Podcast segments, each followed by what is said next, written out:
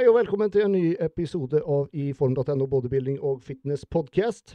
Som alltid så inneholder denne podcasten reklame og produktplassering for annonsører, og det kan også forekomme giveaways. Vi starter med å si takk til mine annonsører som er Gymspot, Helsekostbolaget, The Shock Factor og WeUnite. Setter også veldig stor pris på mine patrons som er med og støtter. Petter, May-Lisa, Sveinung, Espen, Siri, Anel, Stian, Annie og Raymond. Tusen takk til dere. Og om du har lyst til å være med og støtte meg og podkasten, går du til patron.com slash Andreas Adolfsson, og adressen dit finner du i beskrivelsen av podkasten. Kan også være med og gi veldig god støtte gjennom å trykke like på videoen og abonnere på kanalen, og så har jeg vært til veldig stor hjelp om du har villet gi en rangering på enten Spotify eller iTunes. Oh yeah. Der. Hallo, folkens. Hallo. Hallo. Vel, Vi har celebert besøk fra Trondheim i dag. Mathias Fjellheim stepper inn for uh, Flisa. Åssen eh, åssen går det egentlig med deg? Men du, du klarte jo å rive av faen meg låret i, i våres.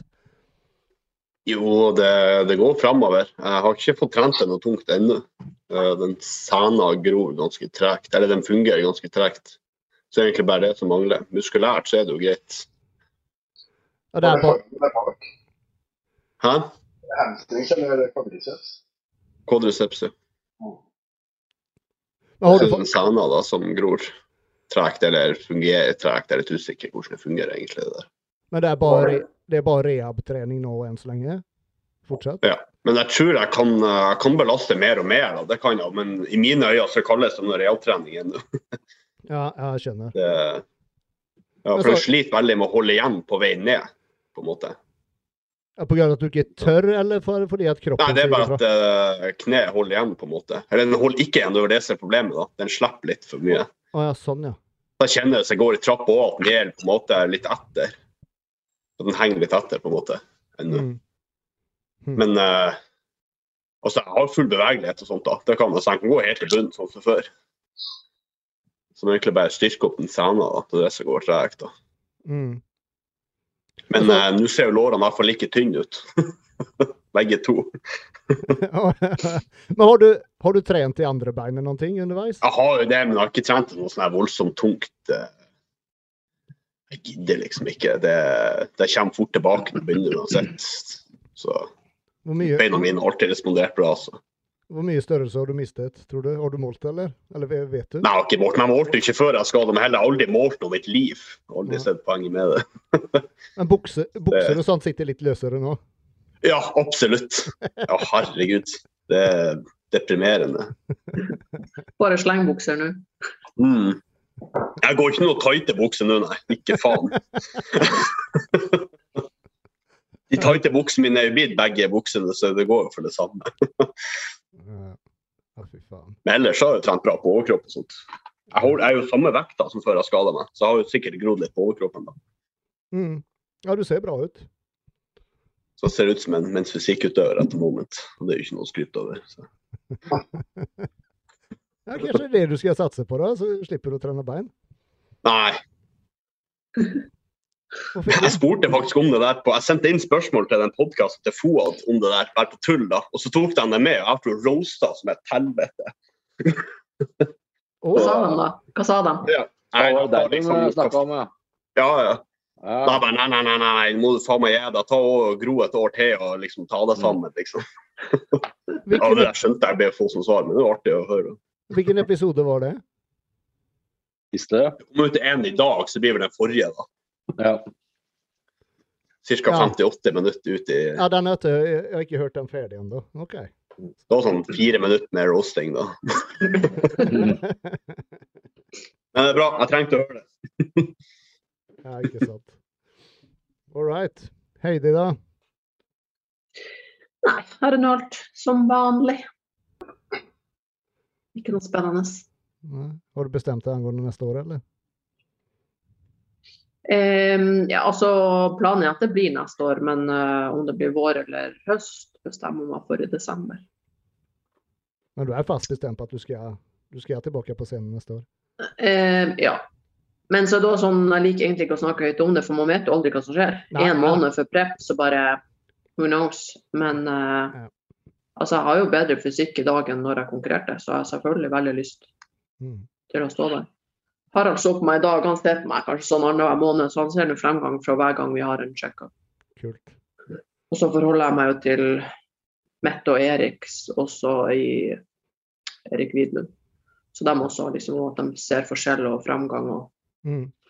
så tenk, jeg har liksom kanskje åtte, åtte kilo å ta med, så jeg tenker hvis jeg bestemmer meg i desember sånn for fullt, Mm. Åtte kilo, ja, det er ikke mye, det. Nei, jeg tror ikke jeg har noe mer enn det. Kanskje åtte. Ja, du er i god form, altså. Du holder det det Ja, altså, jeg spiser, jeg spiser så mye jeg klarer. Det er bare det at jeg har jo ikke noen sånn sultfølelse, så jeg skulle nok egentlig ha spist enda mer. Men jeg spiser hver dag så mye jeg klarer, liksom. Jeg trekker ikke, jeg bare spiser så mye jeg klarer, rett og slett. Mm. Mm.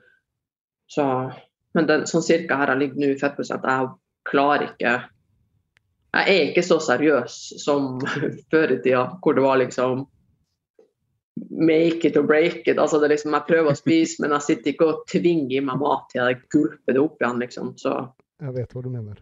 ja. Nei, det er dumt å gjøre. Faen. ja men det er liksom Jeg har ikke Det er sånn at når man blir voksen og man har holdt på der hele livet, så vet man at det funker også å ikke være helt gærning, liksom. At jeg ikke være helt sånn Ja, dere vet, dere som har holdt på, man kan ha sånn Jeg kan ikke relatere ennå. Jeg er ikke så gammel ennå. Jeg vet ikke hva du mener. altså.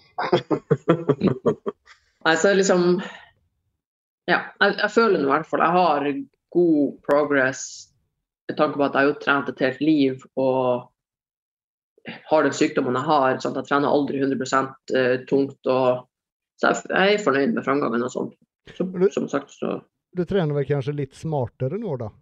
Ja, Enn mye smartere. en, en hva du gjorde for ti år siden, ikke sant? ja, mye smartere. Man vet jo mye mer i dag. Eller, og jeg vet mye mer om kroppen min. Og Og derfor er det, van det er vanskelig for meg å liksom, egentlig få hjelp med trening og sånn, fordi det nervesystemet mitt og den utmattelsen og sånn, det er jo kun jeg sjøl som skjønner det, hvordan det er, liksom. Mm. Så det Ja. Jeg, jeg føler jeg trener smart i forhold til uh, sånn som jeg er blitt kjent med kroppen min. Mm. Jo, men det du sier, dels det at du trener, mest sannsynlig trener mye smartere nå enn du gjorde tidligere, da, ikke sant? Men Mm. også det at du du sitter kanskje ikke og, og tvinger i deg mat om du ikke har lyst på. Du spiser så mye som du på en måte klarer uten å, bli Uten å være en gærning, liksom. Ja, uten å være gærning. Men kanskje, Ja. kanskje det er mer rette veien å gå. Man må liksom ikke Ja, Jeg føler i hvert fall det. Og, og jeg hadde ikke, helt seriøst, så hadde jeg ikke gidda å konkurrere hvis jeg hadde veid Hvis jeg hadde vært 20 kilo off. Så da hadde jeg ikke gidda. En sånn diett, det gidder jeg ikke, liksom. mm, Så for meg så passer det også å være liksom maks ti kilo off, fordi ja, jeg, jeg orker ikke det der. Jeg har gjort ja, det det, mange er ganger. det er tøft nok som det er. Det blir, Ja. tøft, det blir tøft nok med de kiloene du har nå. liksom. Nettopp. Så skulle jeg hatt liksom ti kilo til jeg skulle ta av meg. Altså, jeg hadde ikke gidda det. Det er bare en ting jeg har eh, liksom det har jeg skjønt med meg sjøl, jo eldre jeg har blitt, at det, da gidder jeg ikke. Må jeg ta av meg 20-25 kilo, ja, da skjer det ikke. Nei. Ja, den ser Det er uansett de siste kiloene som er trege å få av uansett, så det er greit å bare slippe å bruke tid på den første på tull, liksom. Nettopp. Mm. Og så kjenner jeg òg den der at jeg gidder ikke å ha sånn her evig lang prep. Fordi når du skal konkurrere, og jeg vil jo kvalifisere meg videre til andre ting, da er du jo lenge på prep i, fra hver konkurranse, liksom. Så jeg gidder ikke å ha sånn seks måneder def før konk, og så skal jeg konkurrere videre, og så blir det til slutt faen at jeg har vært på def i ni måneder. Mm. Så ja, da passer det fint for meg i hvert fall at jeg har 80 kilo, liksom. Som, det er nok, Mm. nok for min del. Når, når det er sagt, så tenker jeg sånn i forhold til det her med offseason og, og hvordan man ligger med fettprosent og vekt og sånn, så tenker jeg at det er hver og en enkelt da må gjøre det som er komfortabelt for seg. Da. Så for de som liker å ligge 20 kg og trives best Ja, ja, ja. 20 kg over sceneform, så må de gjøre det. Og så må de heller bruke lengre tid. Da. Men det er det problemet mange gjør, er at de starter for seint på en diett når det ligger altfor høyt offseason. Så de Ja. får det også veldig travelt. da. Det virker som at de ikke har regna ut ca. kilo du må ta altså Mange som sier til meg når de begynner på prep, og så ser jeg kanskje fy faen, eh, de har 23 kilo som må av. Og så tenker jeg OK, hvis du skal konkurrere da eller da, så vil jeg si at du må gå ned ett kilo i uka for å rekke det. Sant? Da har de jo allerede der blingsa på tida. Kan du si takk og farvel til muskelmassen nå, da? Mm, så mm, jeg, ser, jeg har lagt merke til det faktisk de siste årene, at folk akkurat ikke regner ut en sånn cirka ok, hvor mye må jeg ta av meg da i uka. Fordi hvis du vet at du må ned 20-25 kilo, så dæven, da må du begynne tidlig, liksom. Mm. Jeg føler kanskje det er den tolvukersgreia der, den sitter jo igjen ennå Ja. etter så Mm, mange ja. år. Det er et magisk tall. Mm, Ja. Det er kanskje det. Sant. Men som en debutant har jo, har jo de blingser jo alltid på hvor mye de egentlig skal gå ned. Det er jo alltid mye mer enn hva, man, hva de regner med, ikke sant? Mm. Og ofte er det jo enda vanskeligere da, fordi du vet jo ingenting om kroppen din, du vet ingenting hvordan noen ting responderer. Mm. Og så ja, det er gjenganger. Og da har gjerne fettet aldri vært borte helt heller. Det slipper jo Mm. ofte litt lettere med Mm. årene da, når det har vært borte et par ganger. Ja, sånn har iallfall jeg alltid hatt det. Første, det var litt, når jeg første gang ble kvitt det der sinnssyke, så var det helt annerledes alle årene etter liksom, å, å Mm. komme i form. Mm. Hva med deg Jostein, da, når du var på i, i din, eh, hva skal si, dine glansdager? Var du, så som Heidi sier, gærning hel, hele den perioden? Eller, eller var det noen perioder der du på en måte roet deg litt ned og Nei, jeg var gæren hele perioden. Det tror jeg på. det tror jeg Men jeg, men jeg, jeg brukte jeg kunne bruke en time på et måltid. Altså. Men det var, jeg spiste bare ren mat. Uh, så jeg følte også at jeg fikk opp forbrenninga veldig høyt. Uh, beste forma jeg har vært det, var vel Night of the Champions i 98. Da begynte jeg vel på 184, og så stikker jeg på 108. mm. Eh, jeg følte ikke at det var noe problem, men, eh, men det er klart, da har vi vært i gamet lenge, da. Og så er det jo forskjell, da. Jostein pro bodybuilder, Heidi prøver å gjøre et comeback. Jo ja. Eh, ja, men i hvert fall, jeg spiste veldig ren mat og, eh, hele veien. og det, eh, Når du spiser ren mat og mye kalk, så gjør det også at det er mye hvit ris f.eks. Så fikk vi også veldig høy insulinproduksjon, som gjorde at jeg ble mer sulten. For det er klart, Hvis du spiser en del fett og du ligger på liksom 7000-8000 kalorier, det, det, det går ikke. altså. Da, og da vil man også legge på seg mye fett. Vi følte ikke at vi la på med så mye fett, vi dro, dro en del væske kanskje. Men jeg følte at eh, for meg så var det verre enn å gå. Det var kanskje litt psykisk også, at man følte dess mer spiste, dess, Det dess sterkere ble det, dess hardere kunne trene på en måte. Men nå når, nå når du ser tilbake i dag, er det, er det noe du ønsker du hadde gjort annerledes? Kjørt mer isolasjon. Jeg brukte veldig tunge vekter og veldig mye basøvelser. Jeg tror jeg kasta bort veldig mye energi på det. rett og slett. Mm. Eh, Så det, hvis det er noe som skulle endre, så er det det. Okay. Altså, det er, hvis du bare tar en øvelse som, som stående curl ikke sant, med 100-120 kg, altså du bruker jo hele kroppen. Jeg blir jo støl i rumpa, støl i leggene til skuldre. Altså, du, du bruker jo liksom alt for å få det opp. vet du. Støl i ræva og kjøre armer. Det, Ja, ja, jeg ble det, altså. Du må, jo- du må jo lene deg bakover ikke sant, for, på slutten for å få opp vekta. Jeg husker en gang så fikk jeg avrivning i skuldra også, eh, på den eh, Jeg sto nesten rett bakover til slutt for å få opp vekta. Knekk ryggen når du står. prolaps i bicepskøllen. Jeg tror den tida så var liksom Det var virkelig sånn old school. Altså vi var sånn, Ble du sterkere, så ble du større. Det var det det gikk i. Mm. Og det, når du kommer fra annen idrett også, så er du litt mer opptatt av ti- tider og vekter og sånn. Så det blir For meg så var det en måte å holde hodet positivt. At eh, jeg kjente at det ble sterkere, så følte vi oss at vi la på noen muskler. Eh, Det kom til et punkt der du begynte å få en del avringere og sånn, selvfølgelig. Og da, da måtte man jo begynne å trene litt smartere. Mm. Body feeling. Roger, Yes. Egentlig ganske begynner du, å bli, begynner du å bli litt grå, grå i skjegget? Ja. Ja, jeg ser det. Alle bare sånn her inn. inn. Jeg syns det var veldig, å- veldig tydelig. Ja. Ja. Sikkert noe med lys her. Velkommen i, velkommen i 40-årsklubben, holdt jeg på å si. Kommer sakte, men sikkert. Jeg avbrøt Ja, det er egentlig ganske vanlig uke for meg, men det er, øh, jeg spilte jo hockeykamp i går. Da. Det var jo ekstremt morsomt. Det er lenge mellom hver gang. Så jeg kjenner det i kroppen i dag, at det er litt øh, børbanka. Og så har jeg vært hos legen i dag og fått Jeg har jo slitt litt med smerter i utside hofte. Jeg har gjort det egentlig ganske lenge.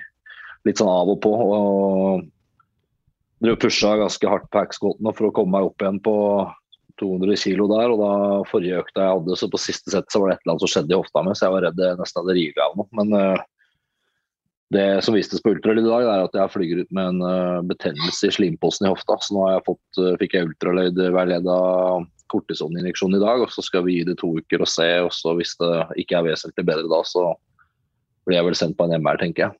Mm. Så det er sånn, Jeg vet ikke om det er en sånn old man-greie, det også, men det Det er, godt, det er godt mulig, for det var akkurat det jeg selv slet med nå tidligere i år. Ja. Betennelse i den slimposen. Og det, det stråler litt nedover utsida på beina, eller? Ja, Ja. både nedover og litt inn mot lysken, på en måte. Ja, yes. Så Det er det, overbelastning, kanskje. ja, det er nok det over tid, vet du. Eh, har vært det. eh, Det kan jo komme av ulike grunner, da. selvfølgelig støt og sånn også, men det har nok vært eh, fare for at jeg har overbelasta litt over tid, ja. Det er en tøff øvelse da, med de vektene der. Du får ganske mye moment i hofta der. Ja, og jeg har begynt å kjøre litt annerledes. Jeg prøver å stå med beina så langt ned på plata som mulig for å ha størst mulig knefleksjon med minst mulig hoftefleksjon. Men det er klart at det, hofta får jo et stort utslag der uansett.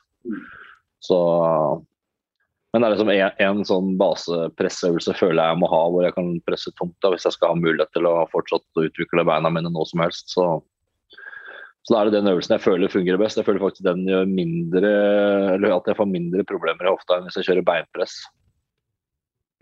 Mm. Så da prioriterer jeg hackscoten først, og så bulgarsk utfall og leg extension, sånne øvelser som det. da.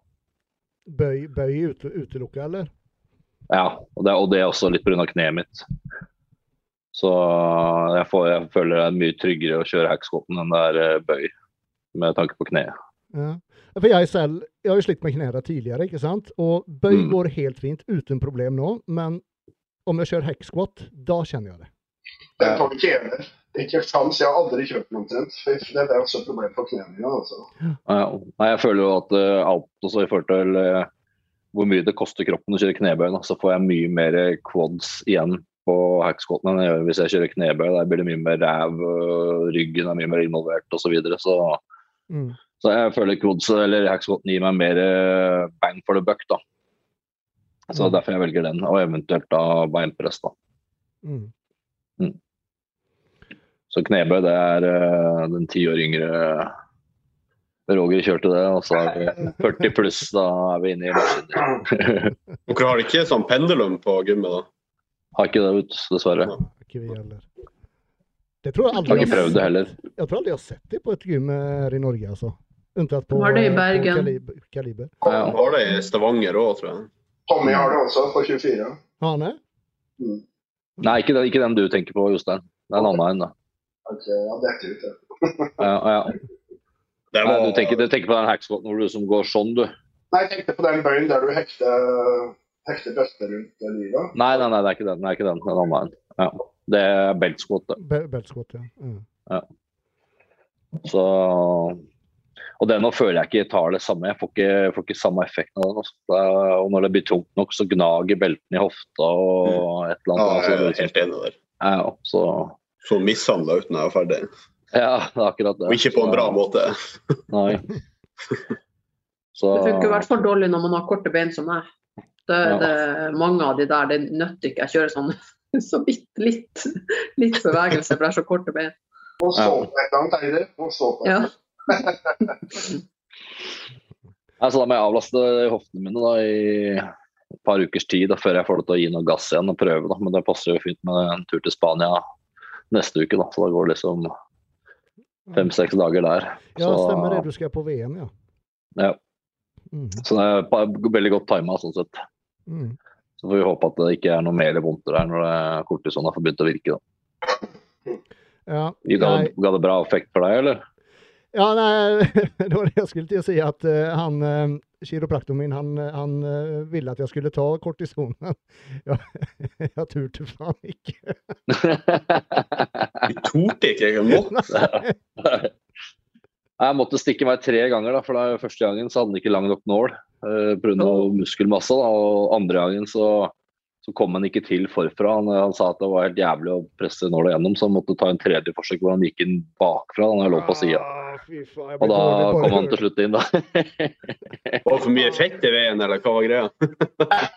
Nei, det var, han sa det var for mye muskelmasse der. Så jeg har faktisk ikke, jeg er ikke helt decent fettprosent om dagen, så det, det er ganske decent. da. Ja. Så det er ikke så mye fett der, faktisk. Nei. Jeg hadde sikkert blitt friskere om jeg hadde, om jeg hadde tatt den, eh, den eh, Ja. kortisonbehandlingen, men ikke faen. Nei.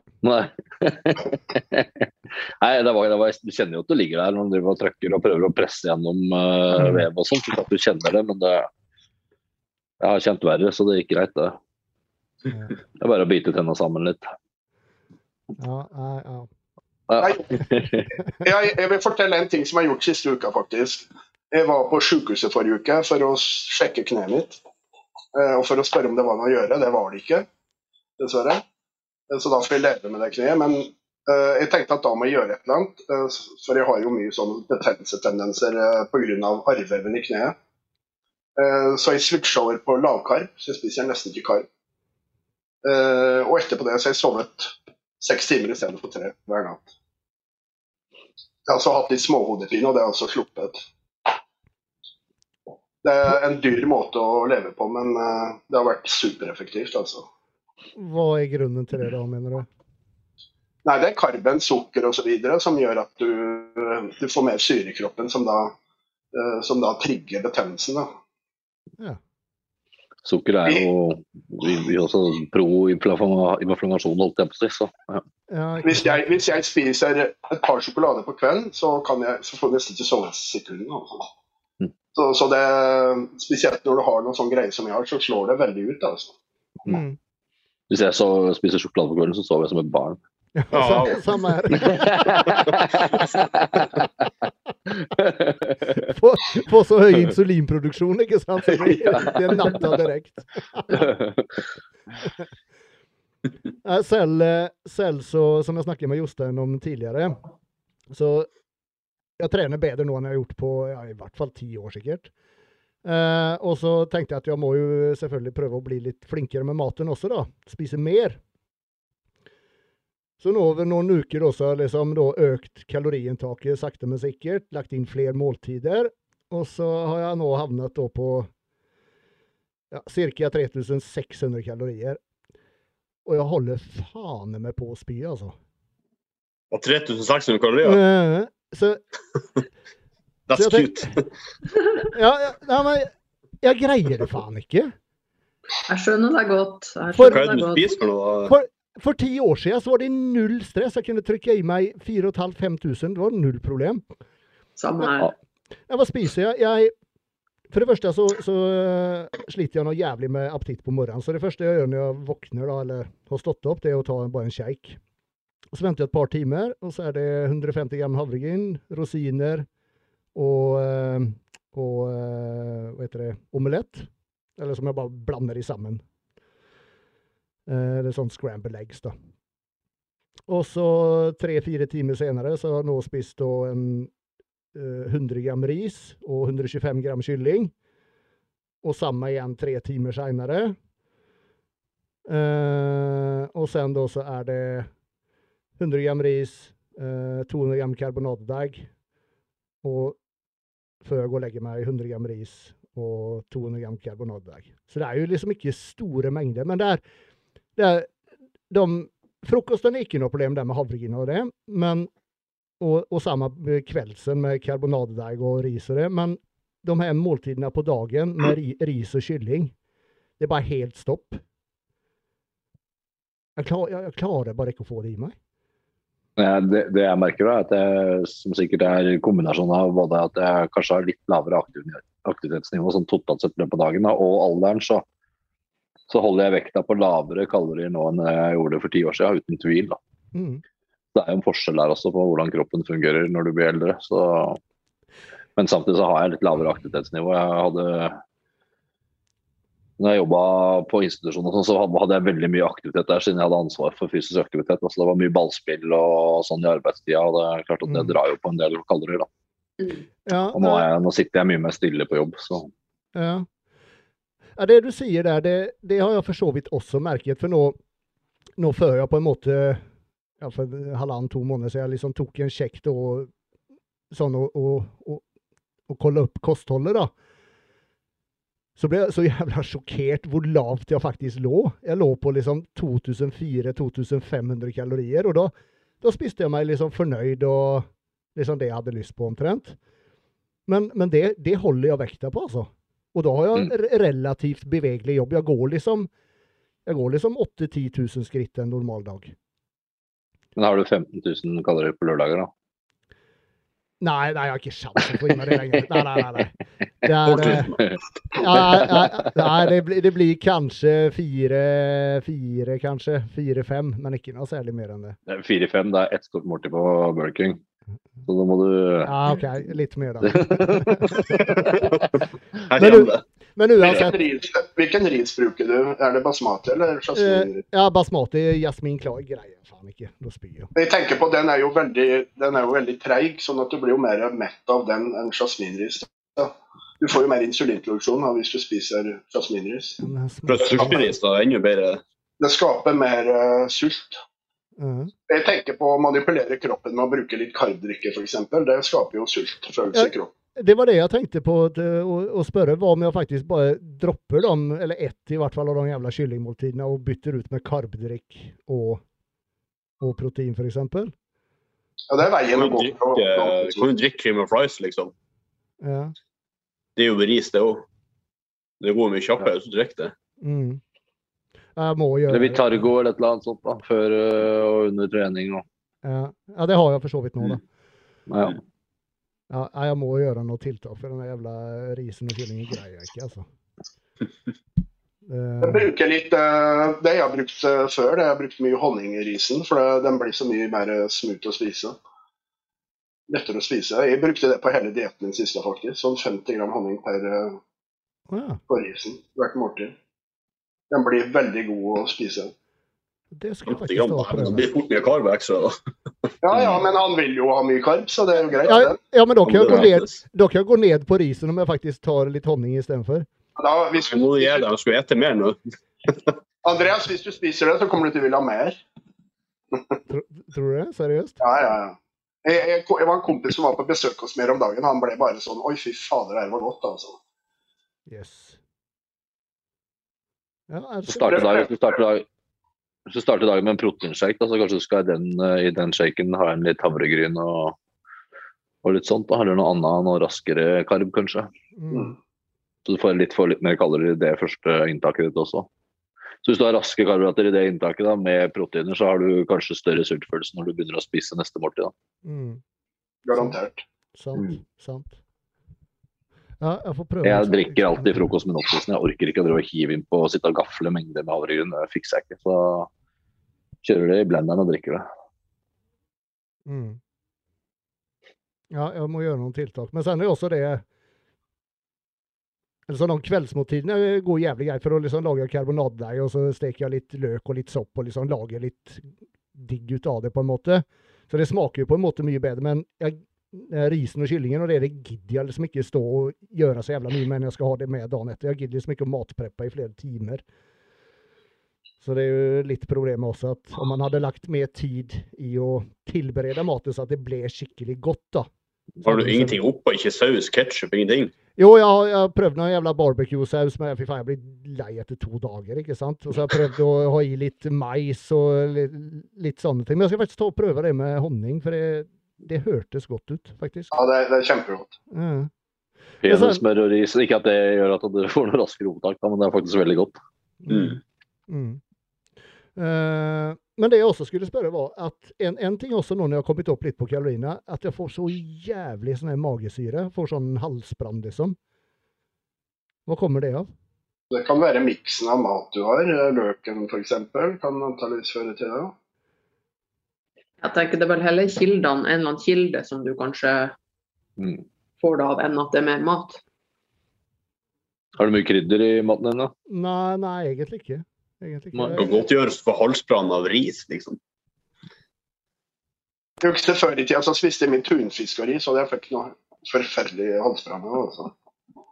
to sånne bokser med tunfisk og så et par hundre gram ris. Det var helt jævlig. altså. Tunfisk tror jeg ikke jeg har spist på ti år, i hvert fall faen 20 år. Uff, Jeg husker jeg pleide å spise tunfisk. En boks tunfisk og en boks ananas. Bare fordi det var raskt. Så jeg for med meg med bokser på jobb. We all been there. Og så billig, billig. Det var det en hadde råd til. da. Ja, Ja, og sjukt billig. Har du prøvd å blande det her i en shake òg? Ja, fy faen. Jeg har aldri, aldri drukket noe. Men det som er problemet, jeg spiste jo sinnssykt mye tunfisk før. Eh, Så tok jeg en sånn hårmineraltest. Og kvikksølvet i kroppen, det var jo på rødt, faktisk. Det var, det var forurensning fra all tunfisken. Herregud. Ja, Ble stelllysende i mørket. ja, ikke sant. Radioaktiv. Eh, jeg tenker vi tar en kjapp reklame bare. Trenger du kvalitetsprodukter, knallbra service og kjapp levering? Da er Gymspot stedet for deg. De har fysisk butikk i Exhibition i Bergen og sender over hele Norge via nettsiden gymspot.no. De har stort utvalg av protein, PVO, alternativ mat, aminosyrer, treningsutstyr og treningsklær. Og ved spørsmål kan du kontakte dem via gymspot.no på Instagram. Det er nye tilbud hver uke og måned, så følg med. Med kodeordet GYMBROS får du 10% rabatt på alle varer unntatt merkevaren SPD. Og nå får du også med en Purple Burn PVO ved alle kjøp over 700 kroner. Altså 10% rabatt når du bruker kodeordet GYMBROS hos Gymspot. Så kan man blande med f.eks. lightsaft. Så kan det gi en litt mer um, ålreit smak. Mm, mm, Aminokarben til Tommy er veldig god. Mm. Ja, jeg kan prøve det. er jo for så vidt ikke noe problem med å drikke, drikke som Roger sier, havregryn og, og sånne ting. Så kanskje jeg bare skal ta Hvis du prøver å drikke det samme som mikroen fra rispulver istedenfor havregryn, så tar du opp mye fortere. Du blir kanskje fortere sulten òg. For det er jo bare ris i pulverform, egentlig. Og det smaker litt bedre når du drikker det òg, faktisk. Havregryn vil liksom besk smak på det når du drikker det. Det er helt nydelig. Ja, jeg syns det er dritgodt. Ja. Havregryn kunne jeg spist seks-syv ganger om dagen, ikke noe problem. Den der, toffé sjokolade, åh, helt nydelig.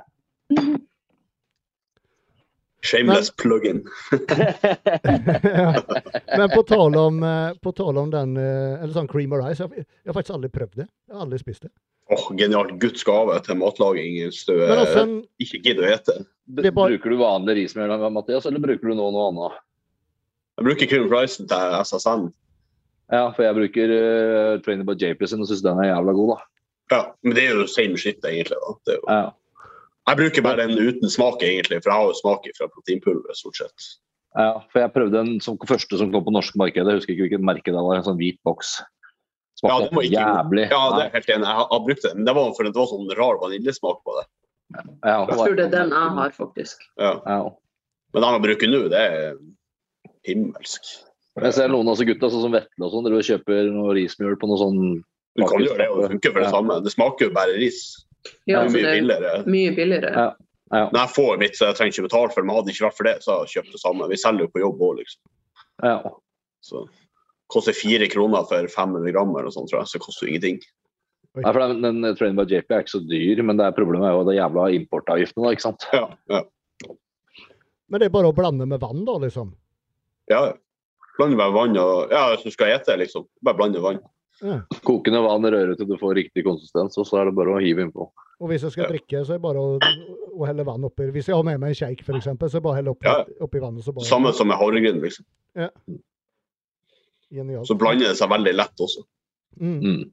Nei, det skal jeg helt klart prøve. Uh, faen, vi fikk en ny proff her i uh, Ikke helgen som var, men helgen derfor. Marius Åsmundsen. Mm. Endelig eh, uh, På proffkort. tide. Ja, Mm. vel unt. Herregud. Mm. Mm. Ja, det, det er vel unt. En mer, mer seriøs kar enn han tror man skal lete lenge etter, altså. Mm. Eh, Og bare at han liksom har kjørt på og kjørt på og ikke gitt seg. Han gikk jo på en smell. Han dro ut i Polen og fikk eh, fjerdeplass eller noe sånt her helt. Ble dømt helt vekk, liksom. Og, og fortsatt bare nei. Faen, gasser på det neste. Han har vært i sceneform siden 2017, så det du blir godt fram den en offseason nå. Ja, ja, senest i går. Han var på Det var jo cardio når jeg gikk. Så sto han der. Fy faen, Mhm. Du blir litt skrudd i toppen. ja, Jeg, ja, jeg syns han kjører litt, eh, overdriver litt, men det er min mening. da. Jeg, det er som jeg sa, at Dagen etter konkurranse så spiser han hotellfrokost, og så legger han ut at han må straffetrene to timer cardio etterpå. liksom. Det, Ja, jeg har hørt det, Roger, og det, det bruker veldig mye energi på det som ikke er heldig. altså. ja, Men han, han, han er, skal ikke ta fra han noen ting, for han er uten tvil Norges beste i sin kategori. Men eh, det er, hva kunne han vært hvis han hadde klart å ha noen som styrte deg for den, som kanskje ikke drev og overdrev kjøringa kjøring av cardio og sånn hele tida.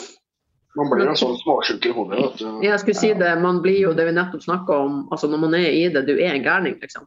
Du, Mm. Ja, altså, jeg var i USA, og var- du, du var gæren, liksom. For du er bare besatt på det du holder på med, og du er så målretta at det liksom fort da kan bli litt for mye. Jeg tror han bare blitt vant til å holde den formen veldig lenge òg, og da vil det sikkert ikke slippe slippe. helt. Ja, ja. Ja. Og at han, han trives sikkert veldig med å ha skikkelige rutiner og Mm. eh, liksom leve det livet, da. Mm. Men uh, jævlig artig. Jeg er veldig stolt av han. Ja, veldig, veldig bra. altså. ja, han Ja, er helt god. Han er god Jævlig altså. Han så veldig bra ut. ja. Ja. Ja, den, for, den, den formen han var i nå, var imponerende bra. altså. ja, han traff bra der på alt på piken, egentlig. Hvordan gikk det, hvordan gikk en plassering? Fikk han eh, Aksel, egentlig? Var det noen som fikk med seg det? Ja, ikke, Han har ikke lagt ut noe, tror jeg. Nei, ikke om plassering, sjøl. Hvem da? Aksel, Aksel eh, Steffensen. Steffensen, ja. Ja. Åh, det, Det gikk vel neppe kjempebra, det, så han ikke hadde noe. Det er et Nei. sikkert tegn. Mm. Jeg fikk ikke med meg akkurat det bygginga når det var. Så bare han seg vant, liksom. apropos det med mye mat, da, Andreas, du må gå inn på YouTube-kanalen hans, for han har sånn derre 10 000 calorie challenge på én time. ja, jeg så det. men, men det skal sies, om, om jeg hadde vært i konkurranseform, da er ikke det noe problem. Da er det null stress, tror jeg. Men Ja, 10 for da 000 er en time er ganske mye allikevel, ass. Hvis ikke det rekker olje, liksom. Åssen i helvete skal du rekke å tygge i deg det på en Det er time? òg tenkte. Man må Ja. drikke alt. Ja, du ser, jeg ser han på bildet så han lagt opp, og så er det jo mett i egg og det ene og det Ja. andre der. Så det er liksom, ja. Jeg har ikke sett videoen, da, men jeg må jo se den. Ja, det er jo så Stakkars bildet som må dele do med han der etterpå. Ja, Dess lavere fettprosent du har, dess enklere er å utføre det der, egentlig. Ja, Selvfølgelig. Men, ja, er men på uansett 10 000 på en time er brutalt, altså. Ja, det. ja, da skal du faen meg ligge i. Satan. Men eh, vi hadde jo flere nordmenn som stilte, og han eh, Magnus uh, Kjærstad, eller hva heter han? Mm, stemmer. Og så gikk Ja, men det- Tok kan han stille- tredjeplassen. Han stiller i Classic fysikk. Ja. Ja, han, ja. Han tok tredjeplassen i klassa til Mm, Marius. Ja. ja. Og så var det et par gutter fra 24 på imensfysikk. òg. ja. Og så var det vel han eh, Håvard fra Stavanger, er ikke det han heter? Håkon? Ja. Nei, Mens fysikk Mye Håvard òg. Håvard. mm. Ja. Og så han Nick uh, Stormor. Stormol. Ja, ja. Stormor. Ja, ja, ja. Det var en del nordmenn med, da. Var det mange totalt, eller begynner det å bli flere, flere som stiller i de eh, NPC her i Norge nå, eller? Sånn totalt sett? Det var i hvert fall det største stevnet som har vært i Norge til nå. Jeg, tror, jeg vet ikke om det var så veldig mange flere med, men det var mye publikum. Det var masse folk som var kommet for å se. Ja, kult. OK. Så bra. Eh, hva var det mer jeg tenkte på? Nei, det var det. Jostein, jeg vet du uh, snakka noe før de andre logga på. Du hadde Ja, det var, det var to ting. Eh, Det første var forskning på mat og diett i USA. Mm. Eh, For det alltid plager med at folk sier at det spiller ingen rolle når du spiser, hva du spiser, men bare kaloriantallet. Eh, Så der er de forska på i USA. Eh, Og de har jo funnet ut noe annet, selvfølgelig. eh, Så lenge det er god forskning. I forhold til liksom du, hvor mye mengde du spiser på morgenen og hva du spiser på kvelden f.eks. Så har han funnet ut hvis du skal holde forma f.eks. eller ned i fettprosent, at det er mer effektivt å spise mer på morgenen og lite på kvelden. Eh, Der har jeg, gjort, der har jeg snudd det på huet når jeg hadde periodesfaste. Det største måltidet mitt før jeg la meg, og det fungerte dritfint. Ja, det er i hvert fall På forskninga der så viser at du blir også mer sulten dagen etterpå. da. Ja. Uh, jeg, spiste, Ja, det jeg, jeg spiser mye mindre på kvelden rektor litt, og det er jo fordi man bruker jo mye mindre kalorier på, på natta også. Samtidig så restituerer man jo når man sover, så det er liksom Man har jo behov for energi gjennom natta. da.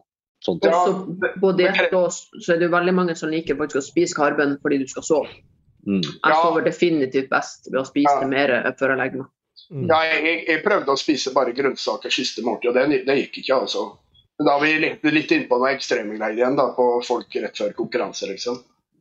Det her var mer sånn generelt da, på at det viser seg at om du spiser, hva du spiser av proteiner, hva du spiser av karb, hva du spiser av fett, om du spiser alt samtidig. Jeg mener sånn som Når du er på diett, så kan du ikke spise både karb og fett, mye av begge samtidig. liksom.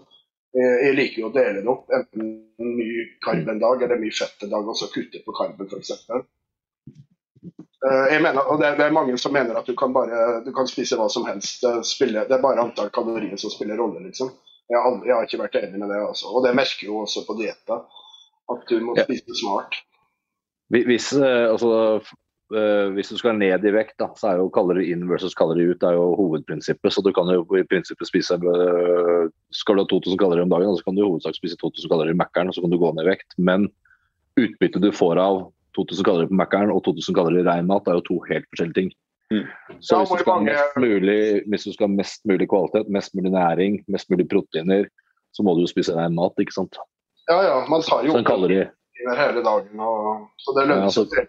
Jeg mener at man får bedre forbrenning av å spise flere måltider. Ja, da tenker ikke jeg på antall måltider, jeg tenker generelt hva du spiser. Da. Men det er jo, er jo lurest å få mest mulig kvalitet ut for pengene. Mm.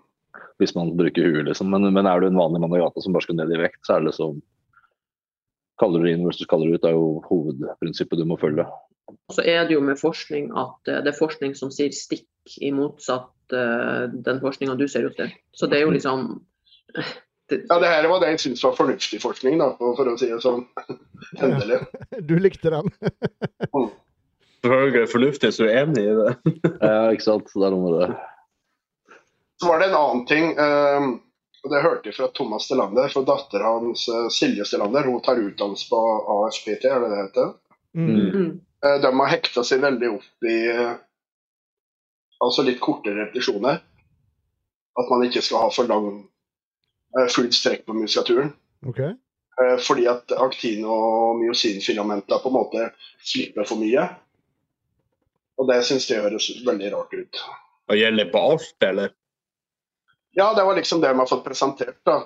Det mener jeg For min del, hvis de kjører nedtrekk f.eks., så slipper de vekta helt opp. De slipper opp skuldra helt opp, og så trekker skuldra ned igjen, og så drar de med ryggen. Jeg har fått mye mer framgang på det enn jeg har hatt på å kjøre bare korte. Egentlig. Så mener jeg, Og hvem er det den forskninga har gjort på? Som de baserer seg på? da? Er Det er jo forskjell på å kjøre en kort repetisjon og slippe helt opp så skulderleddet dras opp. For letsen jobber jo ikke når du har sluppet opp skuldrene. Da har jo letsen slutta å jobbe og strekke seg. Ja, men hvis, hvis du trekker ned skuldra først, da, sånn som jeg gjør, jeg slipper opp armene, så trekker Mm. ned en skuldra, og så drar jeg med letsen. Da, er jo, da har du jo Altså, det er jo, det er jo muskelfibra som drar, det er jo ikke noe annet som drar. Mm. Og jeg føler også at jeg har fått mer mobilitet, så jeg får mer, altså større bane å gå på, da, på en måte. Men mener de at, at, at man skal kjøre det på alt, da, eller? Typ, typ Ja, kortere jeg- det, Vi diskuterte ikke så mye, men jeg syns bare det hørtes litt rart ut, da. Mm. Eh, Det er altså, bare et lite ut, utdrag for noe. Det er sikkert ikke hele sannheten, vil jeg tro. da. Jeg har jo tatt eh, APT sjøl, og jeg har ikke kan huske at det var sånn. men... eh, Nei, det er jo mange som Du har jo hørt mange hele veien som Jeg har aldri kjørt bare sånne fulle reps, men det er jo mange som har gjort det hele karrieren på en måte og fått veldig bra framgang på det. da. Så jeg mener at å, er, det, er, det noen, er det nybegynnere, er det viderekommende som har gjort det her? Eh, For jeg mener Som viderekommende så har man jo liksom litt mer muskelkontakt, og treninga blir veldig annerledes. da. Mm. Er det for at du får bedre kontakt med muskulaturen hvis du kjører en kortere bevegelse på ryggtreninga f.eks., så er det jo lettere å holde latsen i bevegelsen, på en måte. Mm. Jeg bare syns, jeg syns det var interessant da, at de har liksom kommet fram til det der. Jeg bare tenker, all, all forskning viser jo at, at det er liksom fullt utslag som gjelder, på en måte. Det er liksom det Ja, som det- gir best, best fremgang. Men et fullt utslag kan jo være veldig forskjellig fra person til person òg, ikke sant. Jo, jo, jo, jo men at hvilken bevegelsesbane det er, hvilken øvelse det er snakk om, hvilken muskelgruppe. Det er, jo, det er jo ikke noe fasit på det.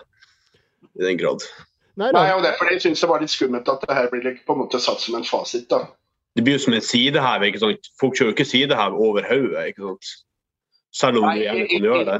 Ikke den øvelsen, si f.eks. bryst. da.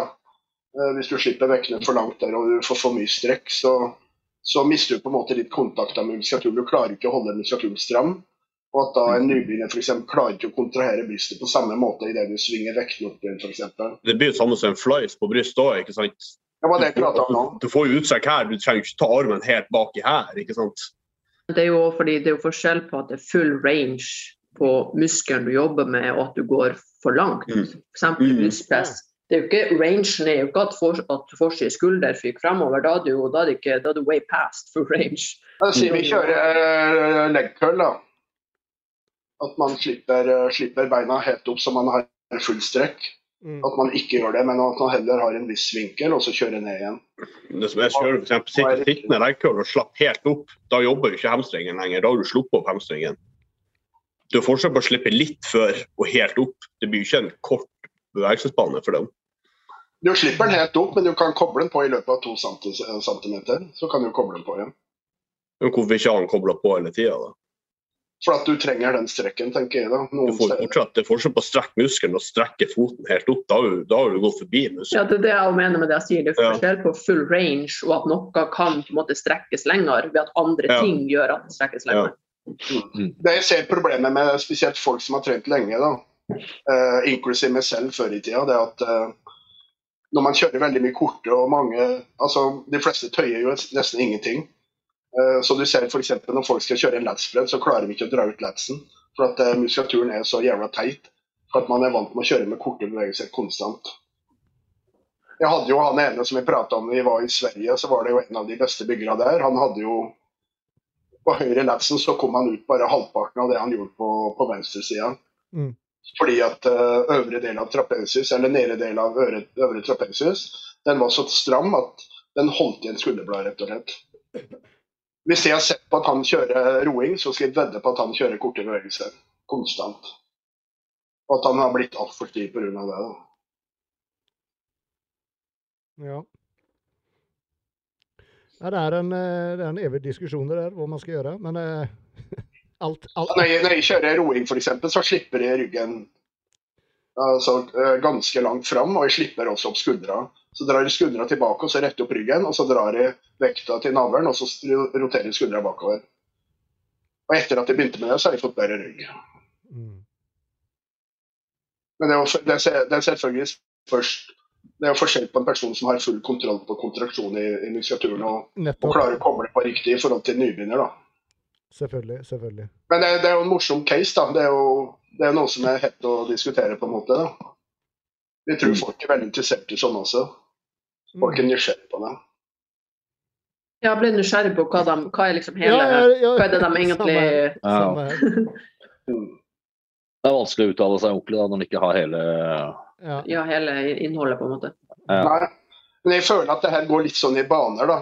Altså En periode så er det korte som gjelder, og så er det lange som gjelder. Og, altså På generell basis. da. Det går liksom litt i bølger, virker det som. Hva som er inne, og hva som ikke er inne, og, og hva som fungerer og ikke fungerer. Altså Det er det samme som fungerer hele tida, men det virker som det er litt sånn mote hva man skal gjøre eller ikke gjøre. Så, når du sier det, eh, nå er det jo veldig sånn fokus på Jeg har sett det fra coacher rundt omkring. Da, at det er fokus på liksom, eksempel på beinpressen, at du har føttene lavt, eller om du har dem høyt. Mm. Liksom, om, det, om det er front eller bakside. Og det er så artig, for det, liksom, det lærte vi for når jeg begynte å trene da jeg var vet ikke, Kanskje jeg lærte det da jeg var 17 år eller noe sånt. Mm. Da hadde vi liksom, Og så har det vært borte en stund, så kommer den tilbake, og, så, og nå er det der igjen. Jeg føler det egentlig alltid har vært sånn der, eh, egentlig helt siden jeg begynte å trene. Det har jo vært samme år etter år på akkurat det der. Mm. på Ja, men liksom at, jo, men at det liksom kommer inn i søkelyset igjen. Skjønner du? Mm. Liksom at, at uh, nå er det Ja, det populært å, å snakke om eller dele eller forklare eller ja. Det, det er jo, går jo rett og slett på forskjellig muskulatur.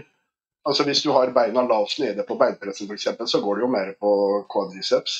Tar du dem høyere opp, så går det mer på bakside lår og rumpe. Ja, ja. Hvor- mye fleksjon du har i kneleddet, da. Det er der alt spiller inn, Ja, ja, egentlig. Eh, for meg så er det veldig logisk. Altså Det er jo biomekanikk, på en måte. Ja, poenget var liksom bare at det var, det var liksom noe jeg lærte for når jeg begynte med det her. At da lærte vi det, og så liksom plutselig nå har jeg sett at det er skikkelig i, i søkelyset igjen, liksom. At Men, men det er jo kult, for at det er like viktig i dag som det var den tida. Så det er jo mm. Nå er det nye folk som kommer opp og Men å kjøre beinpress for hamstring, hvordan, eh, altså bortsett fra at du har en eh, eksentrisk belastning eh, og du støtter opp eh, kneleddet. Så, så når du har en push-øvelse, du bruker jo ikke hamstring til å pushe, det er jo gluteus og Ja. som gjør det. Ja. ja, du, jeg, tenker, jeg tenker det du, får, ja, du kobler liksom litt annerledes, da. Ja. For jeg ser Ja. folk legger ut at de har beina høyt på en beinpress, og så sier du at du har hamstring. Ja ja, nei, det er jo ikke Ja, du, det er jo fysiologisk umulig at du bruker en hamstring i en Ja, ja, ja. beinpress, et press, liksom. Så, For den, den, den strekker jo den Hamstringsen strekker jo, den kontraherer ikke. Mm. Så den går jo Nei, det er akkurat det. vei, så det er jo Ja. Den, umulig. ja. den, den, den strekker jo i hofteleddet. Den er jo med og strekker i hofteleddet. Hamstring. Ja, ja, men det er jo jævla minimalt Ja, ja, i, ja, i en pressøvelse. Ja, ja, det er så- så minimalt, de men det er litt- Når de legger, legger det ut som en hamstringøvelse, Ja, ja, det er jo ikke en hamstringøvelse. Hvis du skjønner hva jeg mener. Hvis man tenker på en legkøll, så er jo motsatt bevegelse av legkøll, på en måte. Du begynner er med høy, og så, og så strekker du til slutt. da. Mm. Mm. Men du flytter jo belastninga oppover på låret, det gjør du. Ja. Jeg, jeg tenker i hvert fall nå det jeg ser, da, det, at det legges mest ut som en rumpeøvelse. Altså, Ja, det er ja, for det blir jo mer riktig. Ja. Mm. Og det er jo når du flytter beina høyere opp på plata, så vil jo du ha mindre fleksjon i kneleddet og mer i, Mm. i hofteleddet. Da. Det er det som er forskjellen. Jeg føler at man, Hvis man prøver på en måte å svinge vekta eller svinge beina, så bruker man jo mer rumpa. Hvis man presser mer med kneleddet, så bruker man jo mer kvadriceps. Mm. Mm. Yes. Uh, det var et eller annet jeg tenkte på, men nå har jeg selvfølgelig glemt av det. Eh, Du må begynne å skrive ned ting, André. Ja, du er i den alderen. det er uh, Jeg hadde faktisk forberedt i dag og skrevet ned noen ting da som jeg hadde i stad, men uh, ja, jeg må skrive, sitte med notatblokket i fanget, tenker jeg. Uh, noen andre ting som er verdt å ta opp? Noen som har et eller annet? Jeg tenkte på, faktisk jeg tenkte på det i, i går. Eh, jeg vet ikke om I hvert fall på gymmet mitt så ser jeg veldig mange sånn eh, Hva skal jeg kalle det for? Nybegynnere eller mosjonister eller noe sånt. Og at eh, jeg er litt fascinert over at så mange gjør så mye øvelser som er sånn veldig isolasjon og sånn teknisk og sånn At de ikke fokuserer på å gjøre større øvelser som krever mer, på en måte. Altså, Se f.eks. jentene som trener rumpe. Så gjør de masse kickbacks, og så er de i en sånn maskin hvor de også kicker. Og så er de noe annet i en kabel, istedenfor kanskje å gjøre da bulgarske utfall eller RDL eller jeg bare ser, til, Med rygg også, så ser jeg veldig mange liksom gjøre sånne her sinnssyke, detaljerte sånne sjuke øvelser. Jeg vet ikke. Istedenfor å bare jeg tror de finner det på nettet, altså.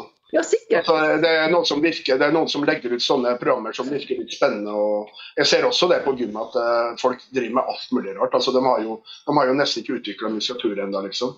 Og de driver med liksom fire-fem tekniske øvelser på forskjellig muskulatur. og Jeg ser liksom folk som har mye mindre muskler enn meg, gjør øvelser som ikke jeg gjør engang, fordi det ikke det er så veldig isolerende og bare helt riktig og akkurat sånn og sånn, istedenfor at de burde jo bruke tida på bedre, større øvelser. Men at Bygge grunnmuren, ja. Det er, Ja, så mye liksom- mer, det er så mye mer Man kan ikke isolere en muskel man ikke har fått ennå. Nei, det liksom De altså, orker ikke gjøre knebøy og de tingene der, ikke sant. Mm. Nei, du har, De har Så er sånn ikke at. Nei, og så er det sånn at Hvis det er noen som ser bra ut, som er influensere eller eh, har mye følgere, og sånn, som gjør noe, så tror alle at han, hun, hun har digg rumpe, så da er det hun gjør, eh, det er jo riktig. Eller Mm. han har jo abs, så det er jo det han gjør er riktig. Det er jo, folk lar seg jo imponere av ting som, på, på, på helt feil grunnlag. da. De ser jo ikke Mm. hvor det kommer fra, liksom. de ser jo bare hvordan det ser ut. du har et jævla godt poeng, eh, Roger, der. Du ser også, jeg husker før, så var det sånn OK, hvis du skal spørre noen om armer, da spør du Thomas Delander. Og så Det kan du bare glemme, sier for at han, Altså De armene de har blitt store antakeligvis uansett hva de har gjort. Ja. Der kan du spørre Tommy Torjussen om ryggen. Glem det. altså. Men hvis du har noen som har dårlig rygg og fått den bra, da kan du spørre dem. Mm. Eller hatt Ja. dårlige armer og fått den bra, for da må du Altså Noen må virkelig jobbe for det. Mens andre så er det jo, ligger jo litt i gener, rett og slett. Man treffer ryggen nesten uansett hvordan man beveger albuen bakover. Det hadde vært jævlig artig å, å sette, sette sette f.eks. Marius, da, som nå ble proff eh, på et fremmed gym, men der det er masse ungdom, og så får han til å gjøre masse rart. Flyger rundt der og ser helt rå ut. ikke sant? Faen, altså, Ungdommer kommer til å gjøre alt mulig sånn idiotisk etterpå, for de plukker det opp. ikke sant? Ja, ja.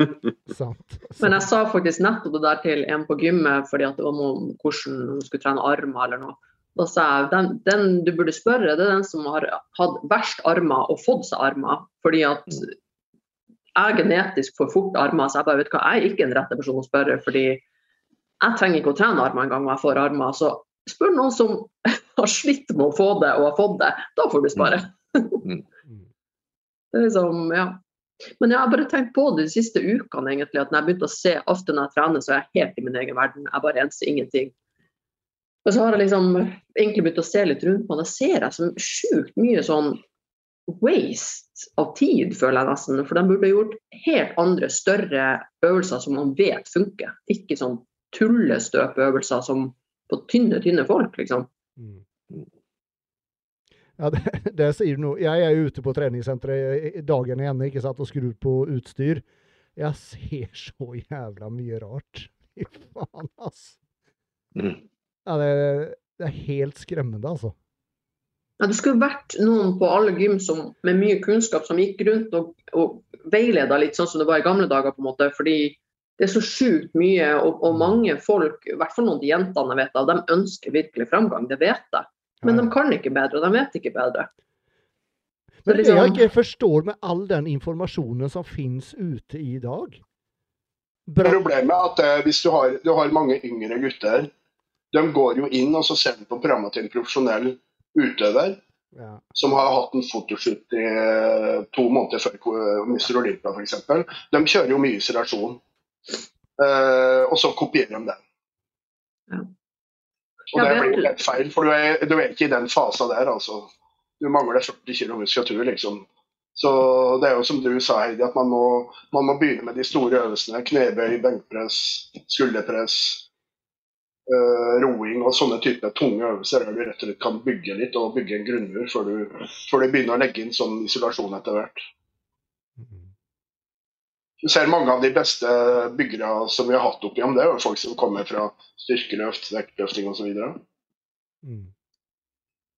Jeg bare husker en tid tilbake så var jeg og, eh, og trente, og så, og så var det en unggutt, han kan ikke ha vært gammel, 17, 18, 19 kanskje.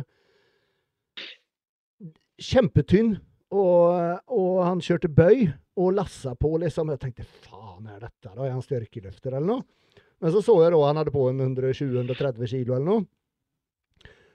Men han gikk jo da bare typ 10-15 cm ned, og så opp igjen. ikke sant? Det var beina skjelva. Og, og så sa jeg til han at om du tar av halvparten av vekten, og så går du helt ned, så kommer du få mye bedre framgang. Ah, det skulle han gjøre, da. Og så kjørte han neste sett. Og han har lagt på enda mer istedenfor. Så det er liksom ingen som har lyst til å ta det til seg. Og det var samme sen jeg så han kjøre beinpress. ikke sant? Det var det sånn masse vekt, liksom mer eller mindre fullt på begge sider. Og så da fire-fem centimeter ned, og så opp igjen. så, Så er det veldig mange som trener etter følelse. ikke sant? Hvis du ser tar Quad som et eksempel, så er det jo ingen tvil om at eh, en, en baseøvelse, beinpress, hack squat, knebøy bygger mest volum. Men det er jo ikke noe som biter mer i quadsen enn en leg extension. Mm. Og det er jo Samme er det jo også med kickbacks-varianter og sånn på rumpe. ikke sant? Du, du kjenner det klyper i rumpa på en helt annen måte enn hvis du kjører da, en beinpress eller noe sånt øh, med fokus på ræv. Så jeg tipper at det også er litt av grunnen til at folk bruker mye sånne øvelser i stedet for beinpress og sånn. Pluss at det selvfølgelig koster mye mindre energi. Det er liksom flere ting, da. Men det er jo en av greiene som jeg tenker mange også Ja, men jeg kjenner det så godt, så det må jo ha en effekt, da. Og så er det sånn som rumpe, da, som er en såpass stor og sterk muskel, de, de bør jo ha noe base inn i bildet, ikke sant. Mm. Vi føler jo selv at man får man får ofte mer moment av de her store øvelsene. Du får liksom en helt annen feeling. Du blir mer støl etter treninga. og Mm. jeg ser liksom Hvis du tar uh, forarbeidet roing eller sittende roing, og så kjører skikkelig tungt på det, kontra at du på en måte står foran en kabel og så drar den bakover med, med albuen. Altså, da blir vi klarer ikke å bli støl. Altså. For du står og balanserer med kroppen, du får ikke så mye vekt.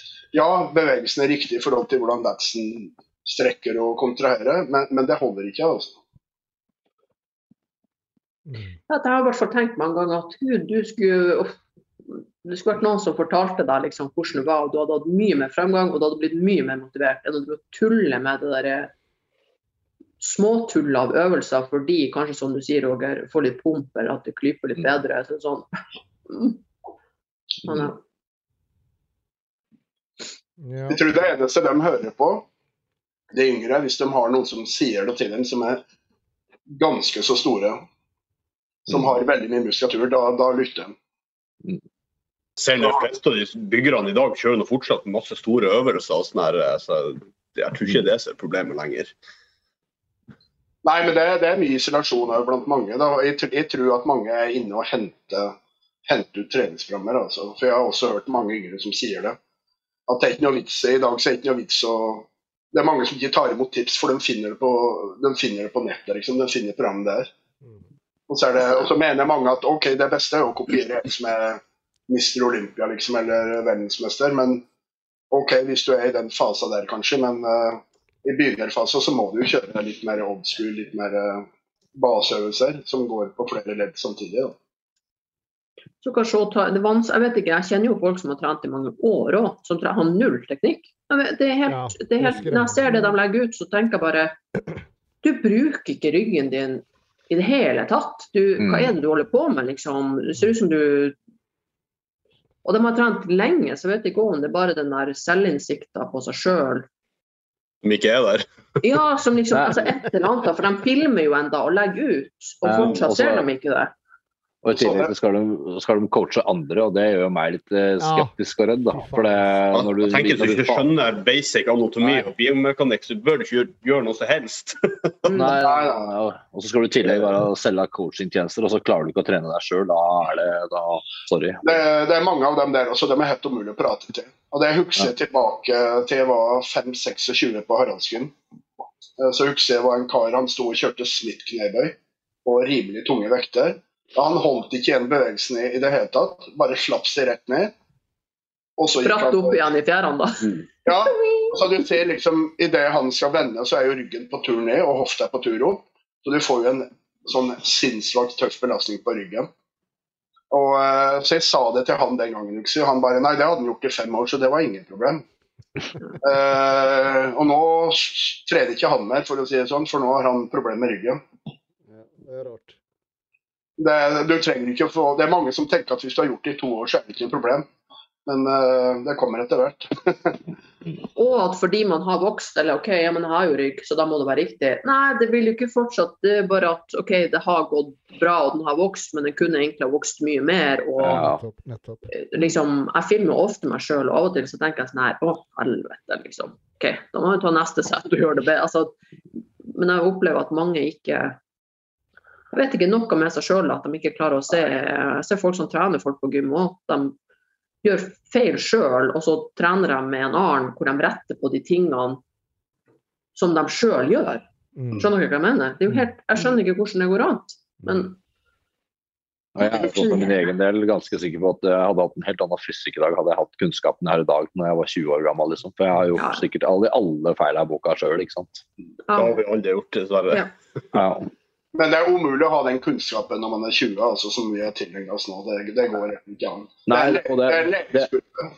Det er jeg enig i, men samtidig så er det sånn at de unge i dag har en helt annen uh, tilgang til kunnskap. Og sånn som de unge er coacher, da, så prøver jeg å si at uh, ikke gjør de feilene som jeg har gjort. Og så Jo fortere du har ting på stell og gjør ting riktig, jo bedre progresjon vil du ha, jo mindre skade vil du ha. Alt, alle de tingene her da. Og det, det gjør jo at resultatet blir mye bedre in the end. da. Mm. Så, mens jeg måtte jo lære ting på den harde veien, for jeg hadde ikke tilgang til den kunnskapen. Og folka jeg så opp til, var jo folk som som som mange andre da, er det største på gymmet, og den gang så var det røsk og riv. ikke sant? Så da skulle jeg gjøre det samme. Jeg skulle bli sterk og jeg skulle selv, benke altså. masse. Og, ja. Jeg begynte å trene tilbake i 2011 eller noe sånt. 2010. Og selv da var det jo ikke den tilgjengeligheten som er nå. Og det er jo ikke lenge siden, egentlig. Nei. Det har jo eksplodert de siste årene. Det, er jo, det som er dumt med det, det er at det ligger veldig mye ute òg, så man må jo velge litt man skal høre på det. Så er det litt pluss og minus med det. Ja, og så kan du ikke følge trender hele tida, for da blir det skifte på det du driver med hele tida. Du må liksom prøve å ha en rød tråd. da. Mm. Man finner noe som en føler funker. og det er alltid spurt folk om når jeg, Hvis folk spør meg om treningsprogram, så spør jeg alltid hva føler du funker for deg sjøl. Man må liksom få følelsen at det her fungerer for folk. Jeg har liksom opp gjennom tida jeg har jo kjørt mye heavy duty, på en måte, altså tunge vekter å få, få sett. Så husker jeg i perioder så tenkte jeg at nå skal jeg prøve pumping. Altså der du står med lette vekter og bare drar ut 20-25 reps. For jeg så mange gode byggere som gjorde det, men eh, innerst inne i hodet mitt så hadde jeg ikke så veldig stor tro på det. Men jeg prøvde noen måneder likevel, og jeg hadde ikke framgang. Altså. Rett og slett for at hodet mitt var ikke med. Jeg hadde ikke, hadde ikke troa på det. Hadde jeg troa på det, så hadde jeg nok fått framgang på det. Jeg har ikke trua på pumping uansett, da. Så sånn er det. Bare stå og pumpe og masse, men det er nok folk forskjellig. Ja, nå er jeg mer der eh, akkurat nå, men eh, Vi fikk en eh, kommentar her. Hvordan vet dere at det er feil utøvelse når dere ikke vet målene til dem? Om det er skadeforebyggende eller noe sportspesifikk grunn til at de gjør det på den måten? Nå, når vi sitter her og snakker nå, så tenker jeg at vi har et utgangspunkt at det er en person som vil bygge muskler. Da, at det er vi tar utgangspunkt. Hvis det er en idrettsutøver som gjør en idrettsspesifikk øvelse, så blir det jo den helt anna. da må vi diskutere i ti timer per lille spørsmål. Det går ikke. Men du ser noen kjøre en nedtrekk i alle Ja. helvetes Ja, ja, ja. Ja, så vet du hva som er poenget, for det fordi han vil ha lett, og da gjør du det ikke sånn. Og det er Nei, noen det ting man ser som ikke hjelper på noe. Det er bare så enkelt. Uansett hva han gjør det for. Rehab, hypotrofi, eh, altså whatever. Nei, det er ikke riktig i noen sammenhenger. Men hvis, hvis, hvis noen har et sånn spesifikt spørsmål eh, på hvordan de skal øve, eh, gjøre en øvelse i forhold til type idrett eller skader, så kan du bare sende inn det spørsmålet. Så kan vi svare spesifikt på det. Ja, altså så lærte jeg en ting når jeg jobba som personlig trener. Også var at Hvis du ser noen gjøre en øvelse på gymmet som du syns altså, Det er som du sier at noe er helt feil. Uh, åpenbart. Men hvis du ser noen gjøre noe som ser litt rart ut, så i stedet for å altså, gå bort og kommentere at det her gjør du feil, så kan du spørre hvorfor er det noen grunn til at du gjør det på den måten du gjør det. liksom? Er det Hva er tanken bak det? Mm. Yeah. Jeg har også opplevd, for at uh, altså på sittende roing f.eks., så er det faktisk noen som gjør det for trapesius. Mm. Eh, Så det hender at du liksom, man går bort med sine tanker på at det her er feil. Og så, Mm. tre, og så er, de ute etter et mål som, som vi ikke tenker over, da, eller ute etter en annen muskelgruppe. Så det, der har du helt rett i, Roger. at man, Det er best å spørre selv hva, hvorfor gjør du øvelsen på den måten. Mm. Ikke si at det er feil. liksom. Hvis du ser noen kjøre en knebøy helt sinnssykt, så skjønner du at det er jo ikke en Ja, nei, meninga er at jeg skal skade ryggen for evig tid. Altså, oh, ja, og jeg- noen ting, noen ting vet man. det, det vet jo ikke vi. Nei. Noen ting vet man jo også, og mange av dem jeg snakker om, det er jo folk jeg har sett. Så jeg vet jo også målene de har. Jeg, jeg vet jo hva de holder på Ja. med. Så det er jo ikke sånn fremmede folk som er helt sånn Nei, de driver med det samme som oss. ikke sant? Og så er det sånn, jeg tipper jo at Når du ser en person sitter og kjører nedtrekk, så er ikke målet å kjøre ryggstrekkere. liksom. Men det er jo noen som trener mer ryggstrekkere enn andre når du sitter i nedtrekken. og Da er det jo himla feil. ja, Enten er så må du forklare at hvis du skal trene ryggstrekkerne, så finnes det faktisk bedre øvelser der borte. Og poenget, er heller, poenget er ikke å være sånn bedreviter, poenget er bare at kan folk være så snill og sette seg litt mer inn i teknikk og utførelse før de lasser på 100 tonn med vekter. ja, please, do. Det er bare hele poenget. Det er ikke noe, jeg gjør masse feil, og derfor filmer jeg meg sjøl. Da må jeg rette det opp på neste sett. Ja. Det er bare at please, liksom. Jeg ser det hele tida, at det er tunge vekter. Det virker som at folk ja, og folk da som igjen skal coache, da, som jeg sier, som jeg ser de gjør der, så virker det liksom de kan noe anatomi og biomekanikk i det hele tatt. da, og, og da skal du selge ting. Du skal ha en kunnskap du skal selge, og så, og så gjør du ting på en måte som gjør at det virker ikke som du har anelse om hva du driver med. Mm. Hvordan kroppen faktisk fungerer. og Da, da blir jeg litt redd av det. og da synes jeg det er, det, er, det er for lett å kalle seg en coach i dag, eller en PT eller hva som helst. Det, du, Mm. det skulle vært noe mer tyngdekraft bak det. Det burde vært en beskyttet tittel. Ja, det burde Altså- det også. Det ser jeg mange ganger i uka. Liksom. Det er masse ulike folk liksom, som jeg ser at de skjønner ikke biomekanikken bak det de gjør. Og de er coacher. Mm. Det, det er jo liksom ja. Jeg hadde en som jeg prata med nå, som jeg skal hjelpe litt med å bli litt bedre form og litt, gå ned, gå ned litt i vekt. Han har vært i kontakt med veldig mange, og eh, ja, han har fått mye dårlige erfaringer, tydeligvis. altså. Med, du føler at det er et sånt program som bare spruter ut av en PC, liksom, som er kopi av noe annet. da. I stedet for at du på en måte skreddersyr et opplegg til hans behov, hans skader, hans type jobb, hans type mål Mm. osv. Eh, vi må ta en reklame.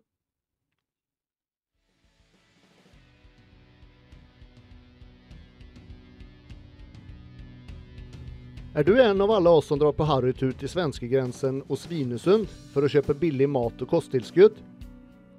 Neste gang du drar så bør du absolutt ta turen innom Hälsokostbolaget ved gamle veteranen på Svinesund. Med svenske priser får du der kjøpt alt du trenger av kosttilskudd, treningsklær, hudvårdsprodukter og helsekost. Med et stort og bredt sortiment finner du alltid det du er på jakt etter, og når man topper det med kunnig personal, personlig service og uslåelige priser, så blir du alltid en meget fornøyd kunde. Hälsokostbolaget lagerfører mange anerkjente varer og merker, og nå får du 10% rabatt på hele sortimentet om du oppgir kodeordet Gymbros. Altså om du oppgir kodeordet Gymbros, så får du 10% rabatt på hele sortimentet hos Hälsokostbolaget.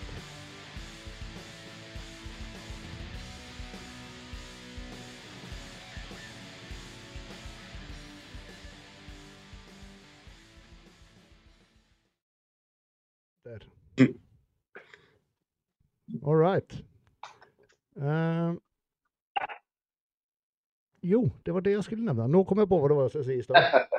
Jeg fikk, eh, jeg fikk en e-post häromdagen. Det var en, eh, en fyr som kontaktet meg at han hadde lyst å eh, promotere Gymbros på, eller, eller podcasten på TikTok. Liksom da lage, lage små videosnutter og, eh, så at det kunne generere flere, fler seere og flere lyttere. Er noen, av Mm. de, er, er noen av dere som er kjent med TikTok? For jeg har Jeg har en konto, ja. Det Det er, er det, som er, Det er ja, på, ja. det er det som er det skitt nå, for å si det sånn. Vi er blitt gamlinger som bare har Instagram. Ja, ja. Det er, TikTok er det skitt. Ja, for jeg lurer på om jeg faktisk skulle ta og eh, prøve på det. Du får også leve av TikTok og vel så det. Hvorfor ikke? Ja, Mm. ja, På Harald så er det jo flere der som er sånn her ja, TikTok-people. ja, vi har jo han er- med muskelbunt. eh. Muskelbunten, ja. Og så er det en annen gutt der, husker ikke hva han heter. og De er jo helt sånn Altså, det kommer inn folk på Haralds bare for å spørre om muskelbunten er der. Han eh, kontakta meg, jeg tror det var han som kontakta meg nå. Han ville eh, at vi skulle kjøre litt armer, og så han skulle legge ut på TikTok. Hva heter han igjen? Ja, eh, Espen. Espen Berg. Ja, det var han, ja. Han, det Ja, var. Tommy, Tommy som hadde anbefalt meg, tror jeg. på Ja. det. Gjør det. Det blir kult. Mm. Yes. OK, ja, men da, da tror jeg vi kjøper det. Så blir vi kjendiser på TikTok òg. Skal, vi synge, skal vi synge og sånn, eller? Ja, du, sånn du, du, du, kan få synge, du kan få synge, Jostein. Uh, skal vi ta litt spørsmål? Yes. Uh, skal vi se. Jeg fikk et på chatten her i stad, holdt jeg på å si. Um, faen blir det av? Der. Spise hvor mye man kan av ren mat, eller drive, eller drive kaloritelling for mak maksimal vekt. En kombo av begge deler, kanskje? Jeg må Jeg fikk det ikke med meg.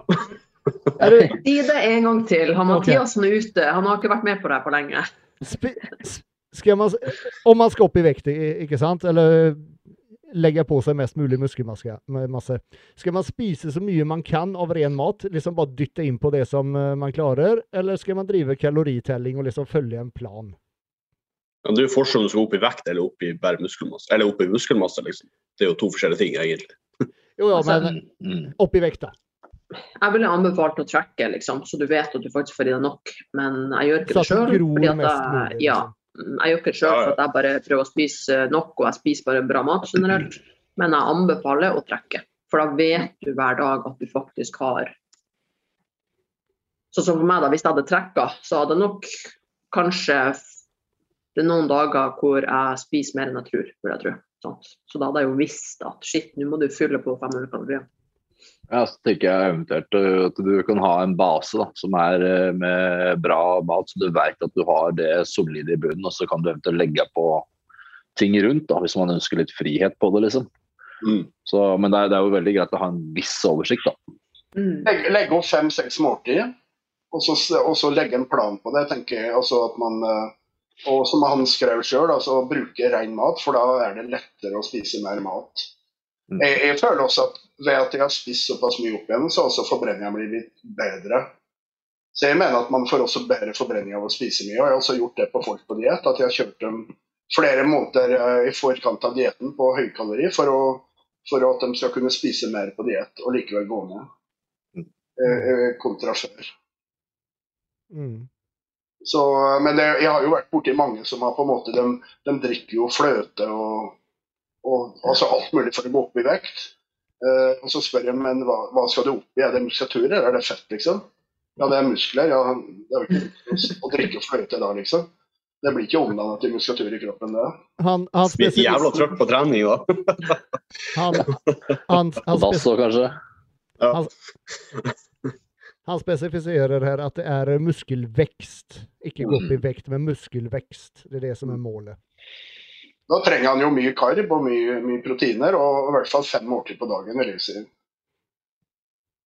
Mm. Og, og ganske høyt på kaloriene. og Nå vet jeg ikke hva han veier, men eh, Det kommer an på aktivitetsnivå og alt sånt og det er mye som spiller inn. Mm. I hvert fall lurt å trekke, så man vet at man faktisk Hvis du plutselig, plutselig er det tre dager eller på uka du har spist for lite, så utgjør det mye i løpet av en, må en måned. Hvis det er mye dager innimellom som blir for lite mat. Så Nå må bare ta det uke for uke. ikke sant? Sette en plan og bare begynne en plass. Du ser jo fort, går det ikke opp, øk mer. ikke sant? Mm. Det er ikke noe ja. fokus. Det at han spiser 3000 kalorier nå, da, så kanskje han kan prøve å gå opp på fire med, med ganske bra mat. Og så bare prøve et par uker og så se. Og Eventuelt om man går ned eller opp igjen eller Og for å ha det her systemet, så må man jo da nettopp trekke, ha kontroll. Mm. En plan. Så må du trene bra. Du må jo liksom, du må jo, og så trener du ikke heller, så øker du heller ikke muskelmassen. Mat må ha noe å jobbe med. Mm. Ikke spiser man mye mat, så går man opp i muskler uansett. Nei, Nei du har et poeng der. Man må, Den svær man, man må jo selvfølgelig pra, uh, trene også. Alt spiller inn. inn. Ja, ja, ja. Det er jo en sånn uh, miks av, uh, av forskjellige ting. En balansegang.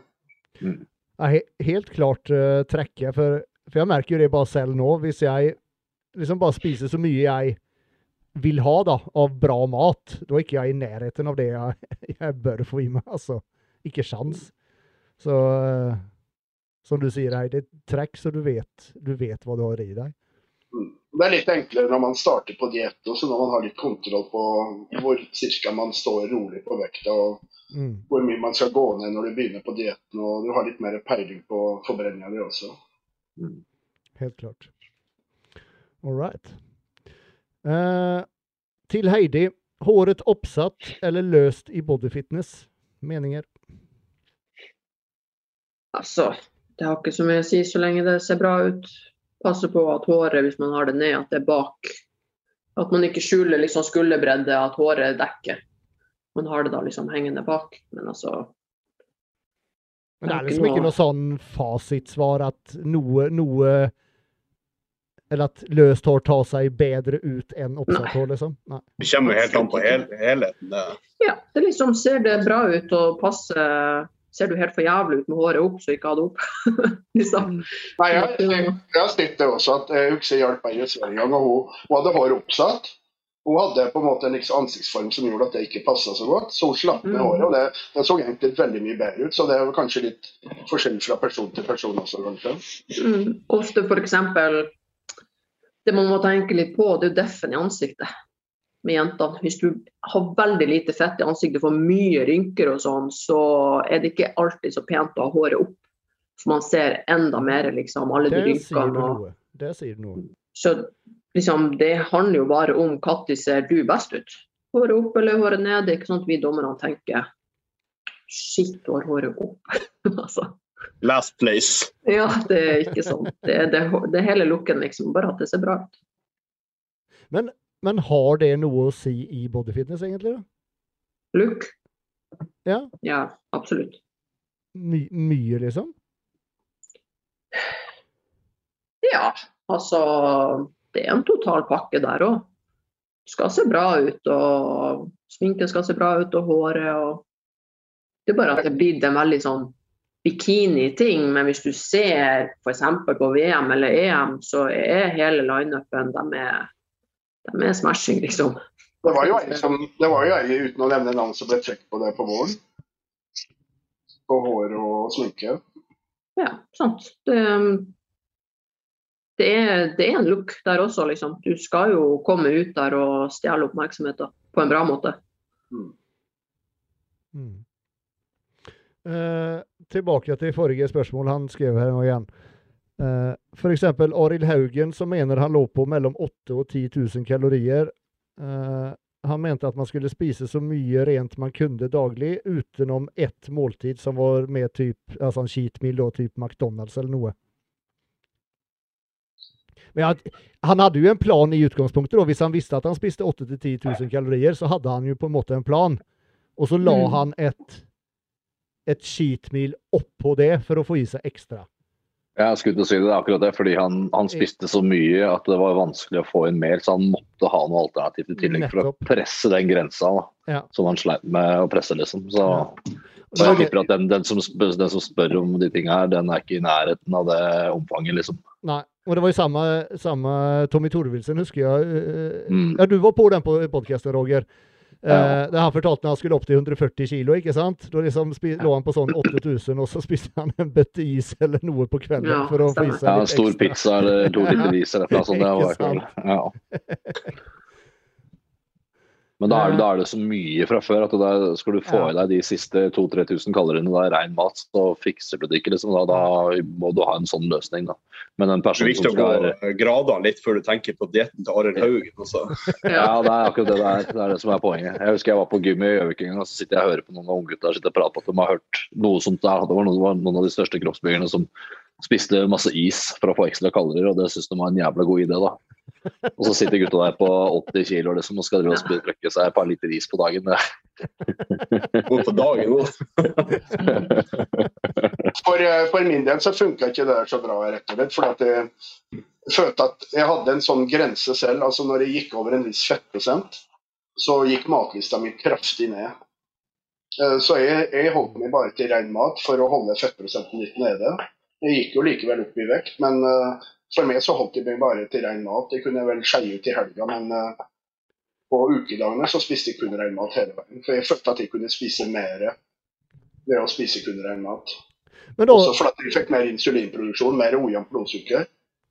En, en, en manipulering, på en måte. da. men da, skjønner, når du, da når du var på 134 kilo som tyngste, Jostein, var du, var du allikevel i relativt god form? Hadde du liksom synlige mageruter og Ja. Ikke sant? Mm. Og da, og da lå du på 8000 kalorier cirka med bra ja, mat? ja rundt, rundt der antageligvis, ja.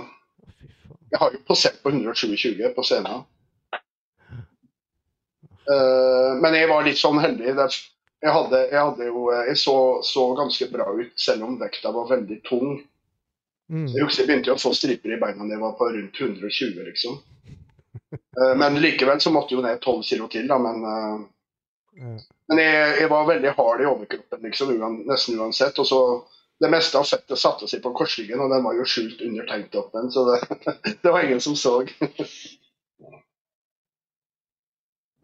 Ja. Uh, all right. Da skal vi se. Bare finne fram spørsmålene igjen. Uh, ja, det er snart Mr. Olympia. Topp tre. Å, Mathias. Mathias, go! Uh, skal vi se, det blir jo Rami Ving. Hadi. Hunter. Du tror Rami vinner i år også? Ja, det tror jeg. Ja. Jeg ser ikke noen som er i nærheten ennå. Spørs om han blir straffa, da. Han har jo vært ulydig i det året her. Nei, jeg tror ikke det. det. Det blir for åpenbart med tanke på hvordan han ser ut nå. Ja, om man skal gå, om man skal gå etter bilder hvordan han ser ut nå, så, Mm. så kan det bli jævlig bra. Ja. Han skal vel legge opp eh, etter denne gangen, har jeg hørt, så Blir vel en ny en til neste år. Ok. Jostein, følger du med Nei, jeg, nei, jeg har ikke fulgt med så mye, altså. Men jeg så han som vant uh, uh, den Classic sist. Hva heter han igjen? Han som har så jævla fin fysikk. Andrew Ban- Jack. Banstead? Ja. Nei, ikke han. Ikke han. Den annen. Han skulle i hvert fall stille åpen. Nei, han vant i 2-12. Som han skal stille jeg åpen. tenker på han Derek Ja, Lemsford. ja. Ja. Derek. Jeg syns jo han ser veldig flott ut, altså jeg håper han gjør det bra. Men det er vel som du sier, det er vel høy sannsynlighet for at uh, Big Ramy vinner. da. Hvorfor skal Rammy straffes eventuelt, Mathias? Er en som spør her. Nei, eh, altså I NPC og vi pros er det veldig viktig med det med promotering og på en måte stille litt opp og sånt. Og han har jo på en måte ditcha hele greia nå i et års tid med å bodde i hule nede i Egypt. Mm. Ja, men Det er vel en grunn til at han ser ut som han gjør, da? Det er for at Ja, han det er jo det. Så det- Nei, det er ikke sant. Det er fordi at han bor i den Vi er jo i 2022, det nytter ikke å leve som Dorian Yates lenger. Det, Nei, men du, du har jo på en måte Når du er Mr. Olympia, så har du på en måte et krav om at du skal presentere den mm, posisjonen du har. da. Og det har jo han unnviket fra. Og mm. så han coachen hans, eh, Dennis James, også var ikke noe særlig happy med det. Og det, det kan være politikk som gjør at han eh, Jeg vet ikke, men eh, Jeg tror ikke han blir straffa for det i den grad. Det, det tviler veldig sterkt på. Og de holder ikke på sånn der lenger, sånn som det var før. Nei. jeg Ro- ikke. Roger, har du noen uh... Ja, altså, det er, jeg synes det er vanskelig. Jeg, jeg tipper jo at uh, Rammy vinner. Jeg hadde syntes det vært jævla kult om han ikke gjorde det, men uh, jeg Ja, tipper, det er jeg han, ja, tipper han på første. Og så tenker jeg kanskje Nick på andre og Hunter på tredje. Og så har jeg Samson som et lite wildcard, litt ettersom hvilken form han kommer inn i. For han har jo et faensbeist, og så og så har han en jævla fin fysikk i tillegg til å være så stor. Mm. Hva tenker dere om han, han eh, som vant nå eh, to eh, Han vant Arnold UK og en konkurranse til, jeg husker ikke hvilken. Han Andrew Yacht. Han kommer ikke topp fem. eh, Nei, alt- Han er altfor soft for å komme bra i Olympia ennå. Jo, jo, ikke blir noe særlig bedre nå heller. om han kommer i form, altså. Nå, nå snakker vi at han er i knallform, da. Mm. Ja, Da kommer han kanskje topp fem hvis han er i knallform, ja. Men, Men han er, enda, han er jo enda liksom det som er Han er fin i fysikken. Han er jo Ja. veldig sånn flow, og så skal han komme med Big Ramy, liksom. Som er, Ja, det er sånn litt forskjell på mm. Jeg tipper at hans, altså, hans beste år fortsatt er noen år frem. Da. Mm. Det er det jeg jeg. tenker. Men, ja. Jeg må si jeg er overraska. Altså, det var jo et stort problem til og med på 90-tallet at byggerne fikk såpass mye magevolum. Mm. Og nå er det nesten blitt helt borte. Jeg skjønner, jeg skjønner ikke hva de gjør, altså. Jeg Det er mer hva de ikke gjør lenger nå, tror jeg. nei, men jeg, jeg mener altså, når, du går, når du går opp i muskulaturen, så går du opp i, i midja også. Alt blir jo større, men det virker som noen faktisk har ha teita til midja. Og du bruker masse tunge vekter, og alt vokser jo på en måte. Så jeg tror ikke det er uh, inntak av ting og tang er jo ikke akkurat lavere enn hva den før. Det er et, jævla godt spørsmål, Jostein. Hva er forskjellen der? Det er jo mer at de har mer fokus på det. Altså Før så ga de jo faen både i treninga og, og bare det å trene på å holde magen inne hjelper jo kjempemye. Folk kjører mye vakuumtrening. Altså, det er jo enkelte Mm. som er til og med obs på hvordan de holder magen bare når de sitter i ro og ser på TV. liksom. mm. Aldri knekke opp Jeg, magen. hør, jeg hørte jo rykter om at uh, det var noen som hadde vært borti USA der, og flere av de profesjonelle de gikk jo med støttebelte. For å dra magen inn. Eh, og det, Jeg har prøvd det sjøl, og det var jo det var et helvete, altså, for å si det mildt. Jeg tror ikke det er som årsaken til at midjene er blitt eh, smalere nå. Det Beltet. Ja, hvis det er mange, hvis det er mange som gjør det, så er vel en grunn til det. da. Forskning er viser at mange belte ikke har noe effekt, øh, sånn sett, da. men det er jo uansett så er det Jeg tenker på at hvis du går med belte, så gjør det kanskje noe med at du er mer bevisst på at du skal Mm. holde magen tight, og sånn at det er det som gir effekten, ikke beltet i seg sjøl. Mm, Mm, mm. Så Har vi jo sett eh, noen sånne utenlandske kulturer der de har sånne ringer rundt halsen. Du får sånn kjempelang, tynn hals. Ja, i Afrika, ja. Ja, kanskje de har noe sånt system. eh. Men det, det er Det skal kalles mageringer. Og så er jo det noe som gjøres selvfølgelig gjennom vekstperioden, så det blir jo noe helt annet. Men det er jo uten tvil mye større fokus på vakuumtrening. Eh, og det at det faktisk blir populært med de beltene, om det funker eller ikke, det er nå whatever. Men som Roger sier, kanskje de da er mer uh, oppmerksom på det. Fordi det er jo et helt annet fokus på det i dag. Både i treningene og med vakuum og alt enn det hva før. Før så Mm. Mm. Jeg skjønner jo det, men jeg, likevel så, så tenker jeg at det er vanskelig. altså. Jeg sliter med det sjøl. Folk har jo mer kunnskap når det kommer til kosthold òg. Fordøyelse og alle sånne ting eh, spiller også veldig mye inn. Har du en ræva fordøyelse, så sier det seg sjøl at magen ikke kan holdes tight. Ikke sant? Og det, du skal jo gå på scenen, du skal løfte brystet, og du skal holde alt stramt, og du skal puste samtidig. Og det er jo, eh, det er jo mange av de er. Jeg har ikke akkurat god kondis, for å si det mildt. Det jeg husker når jeg, jeg var jo opptatt av det sjøl, jeg hadde litt brei midje. Så jeg husker når jeg slapp til ryggen, og jeg stilte ryggen til og kjørte ryggen, så kunne jeg slippe ut magen litt. Det var utrolig deilig. husker jeg. og så måtte du trekke den inn igjen når du skulle svinge og ta sidechest og, og frontposeringer. da. Men gjorde du, eller var du noe bevisst på, på magen sånn off-season? Gjorde du noen tiltak for å på en måte Nei, ja, prøve på slutten så gjorde jeg det. Jeg begynte å spise flere og mindre måltider. Og okay. passa litt på at jeg ikke hadde for full mage. Og... Ja, Jeg, ja, jeg gjorde tiltak igjen. ja. For du har jo før liksom, du hadde sånne helt sinnssvake måltider og hadde pressa ut magen vet du, litt. da. Mm. Jeg husker en periode sånn som når jeg var på det tyngste her, så så så ut som jeg var gravid. rett og slett. For det, magen er jo nesten full med mat til enhver tid. da. ja, ikke sant. Du, du, du, liksom, du rekker ikke å få magen inn igjen når du spiser liksom 8000 kalorier. Du føler jo nesten mett fra forrige måltid når du begynner på neste måltid. liksom. Mm. Heidi, Og topp tre. kalorier må de ha, de gutta. Ja, ja, uten tvil. Mm. Heidi, din topp tre? Jeg klarer ikke å si topp tre. Jeg vet bare Rami på første. Kanskje Nick på tredje. Men uh, altså, jeg føler det er så sjukt Ja, det kan gå alle veier. Fordi- er ja, fordi- det også. umulig å si. Ja, men fordi greia er nå at det er blitt sånn OK, det er freak-fysikker som Rami og Nick. Og så er det andre fysikker. Eksempel Curry fikk jo pall sist, og han er jo, han er jo helt annerledes enn Ja. Rami igjen. Så det er liksom Jeg føler det er helt sånn No. Ja, det Til vanlig pleier jeg å ha en tanke, men seriøst nå er det helt sånn OK, jeg tror Rami vinner. Kanskje Nick kommer på pallen en tredjeplass, men hvem som får den andre altså, Er, er han Curry med fortsatt? Ja. Ja, ja. Han, har jo, han blir jo altfor tynn i beina. Ja, det er akkurat det. De sier at man har forbedra beina sine, men jeg veit ikke. Men det har de jo Det sier de hvert år! Det sier de jeg syns jo han var tynn i beina i fjor òg, og han sto Ja, ja. fortsatt der og liksom Så, Ja, ja. så det, liksom. Så hvordan han så ut på Arnolds nå. Det var det verste han har sett på mange år. Ja. Nei, Men jeg tipper at fra andre til åttendeplass eller tiendeplass så kan jo faen meg gå hvor som helst. Mm.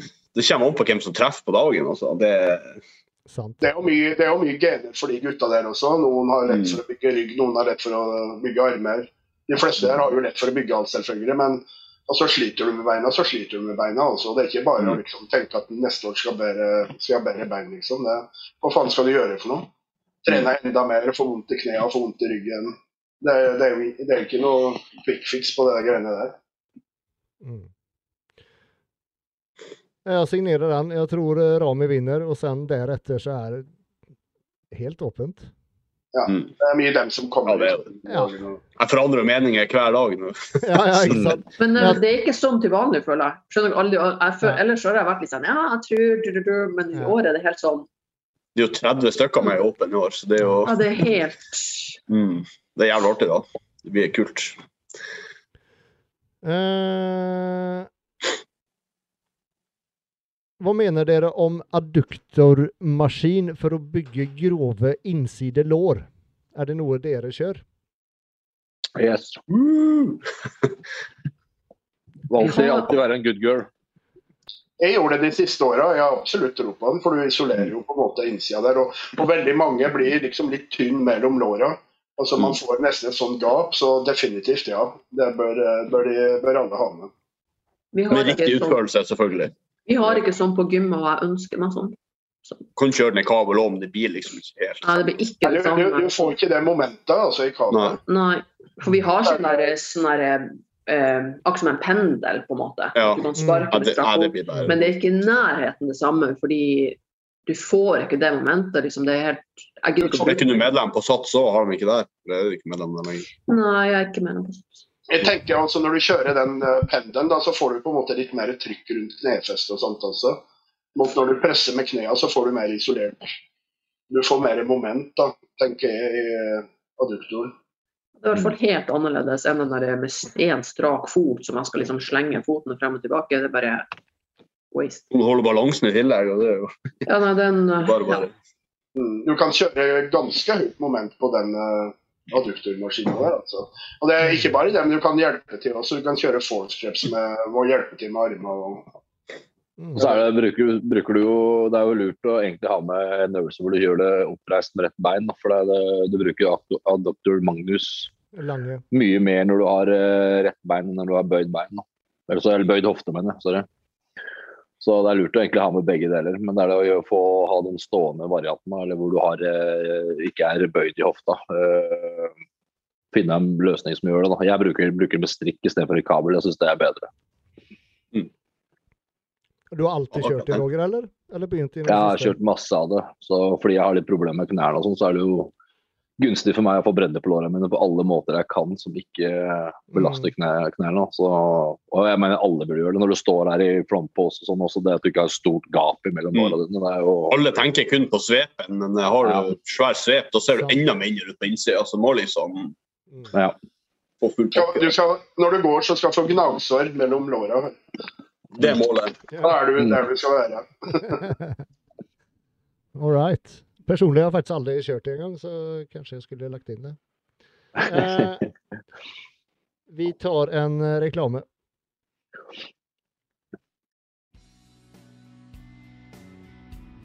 Sliter du med smerter, dårlig søvn eller er du i behov av økt restitusjon? Da kan CBD være noe for deg. CBD er en av over 120 substanser som man finner i hemplanten, som er blitt brukt i tusenvis av år for en rekke helserelaterte effekter. Deriblant forbedret søvn, redusert stress, angst og smerte. Og alle disse positive egenskapene er knyttet til CBD. Med en firestegs ekstraksjonsprosess tar WeUnite fram det reneste produktet på markedet, som inneholder kun CBD og er helt uten spor av THC. Dette er også dokumenterbart, da hver eneste serie som blir produsert, blir testet slik at innholdet i hver flaske kan dokumenteres og spores ut ifra batchnummer. Nå over 2500 studier som dokumenterer de positive effektene med CBD, som kan være redusert stress og angst, forbedret søvn, økt restitusjon, smertelindring og forbedring av ADHD og Parkinsons. Selv har hatt fantastisk god effekt av CBD siden jeg begynte med det for et par måneder siden. Mange års både tung og mange ganger uforsiktig trening har satt sine spor i form av vondter i mer eller mindre hele kroppen. F.eks. knebøy har jo vært mer eller mindre helt umulig å kjøre de siste ti årene. Om jeg har hatt på meg en 50 kilo, da. Men det går nå helt smertefritt. På siste økten hadde jeg faktisk en åtter på 160 kilo, noe som har vært helt umulig bare for noen måneder siden. Og nå som jeg endelig kan kjøre min favorittøvelse igjen, så er både treningsgleden og motivasjonen større enn på veldig mange år. Jeg merker også at søvnen har blitt betraktelig mye bedre. Så om du sliter med smerter, dårlig søvn, stress og angst, eller om du trenger økt restitusjon, så kan CBD virkelig hjelpe deg. WeUnite tilbyr Core-serien, som består av de reneste og mest testede CBD-produktene på markedet. Om du har lyst til å teste ut om CBD kan være noe for deg, så går du inn på gymbros.weunitegroup.com eller weunitegroup.com slash gymbros. Altså gymbros.weunitegroup.com eller weunitegroup.com slash gymbros. Adressene og linkene finner du også i beskrivelsen av podcasten. Du får kjapp levering, og ved kjøp av større kvantum blir også prisen veldig bra. Der. All right. Uh, hva er det dummeste kjøpet dere har gjort på nettet? Noe sånn helt idiotisk. Hvorfor kjøpte jeg det? Det er aldri, jeg, tror ikke jeg har kjøpt noe sånn helt, helt idiotisk, sånn, sånn at jeg ikke, det her har jeg egentlig ikke bruk for. Men jeg, jeg har jo en sånn tendens til å kjøpe dyre ting når jeg er på diett. er. Jeg, kjøp, jeg kjøpte Ja, det, jeg det blir sånn trøstegreier, liksom. Ja, Det, det er noe med det. altså. Jeg har kjøpt fire biler på diett, faktisk. ja, jeg har kjøpt bil på diett. Samme her. Jeg har kjøpt én. Patrick, Patrick Alexander han begynte å skulle kjøpe bil nå rett før. Så sa jeg prøv den, for det er noe med diett og bil. altså. Det, Det er det. Du har jeg kjøpt på diett. Men det dummeste jeg har kjøpt sånn, er jo at jeg har kjøpt noen gensere som er svindyre. Altså, sånn, dietten har lagt seg sånn etterpå. Det er ikke at ikke de er kule og sånn, men det er sånn der, de pengene her kunne jeg egentlig brukt på noe helt annet. Altså. Trengte jo den genseren, egentlig? Nei, det er akkurat det. Nei, Det er jo vanskelig å kjøpe klær. eh, Det har jeg for så vidt gjort sjøl. Kjøpt litt klær på Wish eller et eller annet sånt, og det har jo ikke funka i det hele tatt. Dukkeklær som kommer i posten, da. Ja, det, det passer ikke i det. Ja. Hei, det er ikke så passa det jeg har kjøpt, da, men det har bare vært eh, prislapp som er idiotisk. Nei, altså, jeg kommer ikke Jeg vet ikke. jeg tenker jenter, jenter har jo en tendens å sikkert kjøpe med kanskje mer Ja, men greia mi er at ja, men jeg er så gammeldags. Samboeren min driver klikker på meg for at eh, jeg må gå i butikken. Han kjøper alt på nett. Han yngre enn meg, så han kjøper alt på nett. Du sitter ikke med sånn sånn- blad og krysser og sender inn? Ja, nesten. Så, ja. Det er jo det jeg vokste opp med. Da kryssa man og skrev artikkelnummer, og så sendte man det inn. Altså, jeg, jeg kjøper faktisk veldig lite på nett. Så jeg kommer faktisk ikke på noe. Men jeg husker jo at mutter'n, eller jeg vet ikke hvem det var som kjøpte det, at det var noen sånn der- sånn magetrener. Sånn derre Med strøm. ja, et eller annet sånn. Og det må jo ha vært et sykt kjøp, men jeg kan ikke tro at det er jeg som har kjøpt det. Men jeg vet i hvert fall at det plinger i hodet at det var noen som hadde en sånn. Og det er jo sånn nett-TV-shop, eller hva faen. Det var mange som kjøpte treningsapparater der før. altså det gikk en uke, så ble de plassert under senga. Ja. De der stengene, husker du de stengene man skulle bøye? Skulle sånn trene Ja, ja. sånn svær stang. Sånn Arnold- Arnold-greie. Hva, heter den igjen? da? Den var jo populær. Ja, var det. Chuck Norris og sånn var jo på en reklame for noen sånne Ja, apparater. og sånn, stemmer. Stemmer. Og så den extenderen, sånn som du kan ha på fem fjører på, som du drar utover. Ja, stemmer. sånn antak. Og Den var jo fin, for du kunne jo trene alt som var på kroppen nesten med den. Hva er det beste dere har kjøpt på nettet, da? Ja, enda vanskeligere. Kjøp. noe, av det beste, noe av det beste jeg har kjøpt, er nå den uh, airfryeren Ninja. Ja. Airfryer, fanta- jeg fikk det i bursdagsgave. Fantastisk. Den er, ja, den er bra, altså. Mm. Det er bare å skaffe til, folkens. Den er helt rå. Ja, er- Grønnsaker, biff, Yes, fisk. Passer på alt, altså. Mm. Helt rått. Altså. Jeg tror en av klokkene mine er best å kjøpe, og eneste grunn til at jeg kan si det, er for at det taper seg så lite i verdi, så jeg kaller det sparekontoen min. Da. Ja, men det er lurt. Ja, det er sant. Jeg kjøttet på Jordan som har økt i verdi. Sånne ting er artig, men eh, Ja. Men da, da bruker du dem ikke. Nei. Nei. det er kanskje et dumt kjøp, da. Ja, ja, det er det. Ja, Jeg bruker jo klokka, klokka mi, da. Ja, ja, ikke sant? For, Ja. hvor, hvor mye er det snakk om, om at de øker i verdi, Mathias? da? Blir- kanskje blir du økt med rik- blir du 2000 siden i fjor, eller noe. Forfjor. Det er ikke noe voldsom økning. Det er liksom Det er ikke noe kryptovaluta, nei. Nei, du blir ikke rik på det, liksom? Han har to, to- 2000 par, da. Ja, ja ikke sant? Eller Ja. krypto kanskje en dum ting jeg har kjøpt på nett. da. Den gikk jo ned i verdi. Ja. Ja. Men på tale om Jordan, så han eh, Jeg husker jeg så noen sånne gammel eh, eh, film Eller han, han Jay Cutler, han sine gamle eh, treningsvideoer, ikke sant? Han hadde jo sånne helt sinnssykt mange Jordans og uh, sko i skapet. Det er noen det er jo sånn som, ja, det er jo sånn samle... Ja, det er noen av byggergutta nå som er helt ekstreme på sko, da. Det er helt sjukt. Ja. Ja, tre, Jeg tror Hollefors han sa vel at han kunne kjøpe seg en leilighet for skosamlinga si. ja, ja, ikke sant? Så det er Jeg husker jo det var jævla kult før når man var i New York før. og så Da var det en av altså det som var høyest på lista, det var å kjøpe sko på uh, Footlocker. Og De hadde gjerne typer sko som vi ikke fant her i Norge også, så jeg kjøpte meg alltid sko. Jeg har alltid elska sko. Han der er Matt Jansen, eller hva han heter. Matt Ja, Matt Jansen, ja. Ja, han har jo òg Ja, masse er sånne her sko hinsides. til Du må nye sko hver dag. yes. Så det, Herregud. Fruen min må true meg til å gå og kjøpe nye sko. Mer eller mindre. Uh... Hvem har lugget mest med mest kvinnfolk i Gymbros? Det er i hvert fall ikke jeg hadde vært imponert. Jeg tror faktisk det er meg. Det tror jeg også, men jeg er Ut ifra historiene dine så legger jeg en femmer Ja, på jeg tror jeg vinner glatt det. Uten problem. Er Hvis det- ligger på toppen, da er dere beskjedne i hvert fall, for å si det sånn. Tall, ta, eh, tallet har jeg ikke. Det har jeg ingen aning om. Uh, men det er i hvert fall tresifra. Ja, OK, da har du slått. I, I hvert fall. Ja, da er Eh, det uten tvil. Jeg klarer ikke å se noen andre som har slått det. jeg vet ikke, Flisa Eh, Flisa er ikke kanskje jomfru fortsatt, jeg vet ikke.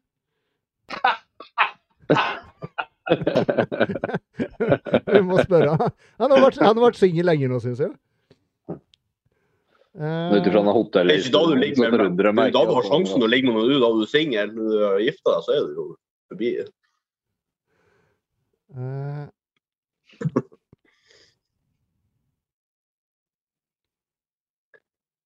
Dette spørsmålet skjønner jeg ikke. Uh, hvem vil dere si har mest dra til trynet i Gymbros?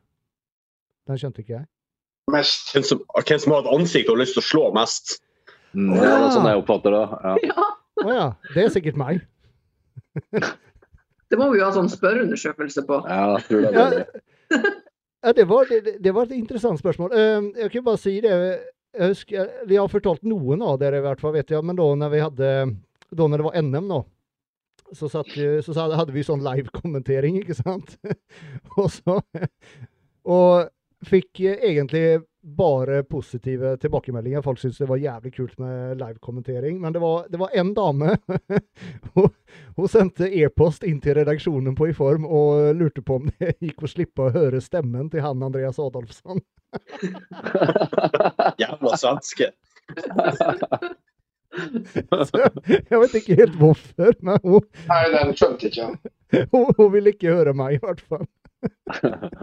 Dårlig erfaring med svensker. Sikkert. tenk, det er som om jeg skulle sende e-post til TV 2, liksom. De har noe jævla ski, skigåing, et eller annet. Og så liker Kanskje det her er en av de 100 pluss du har vært over. Det er nok mange som gjør det etter TV 2 òg.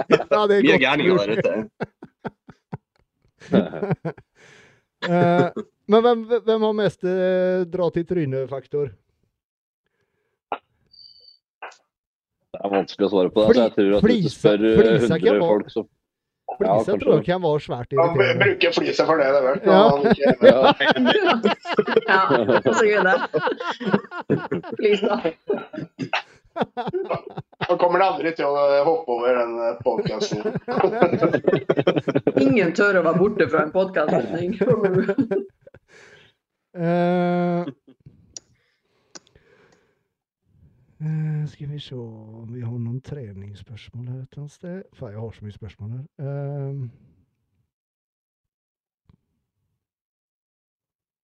mm, mm, mm, mm.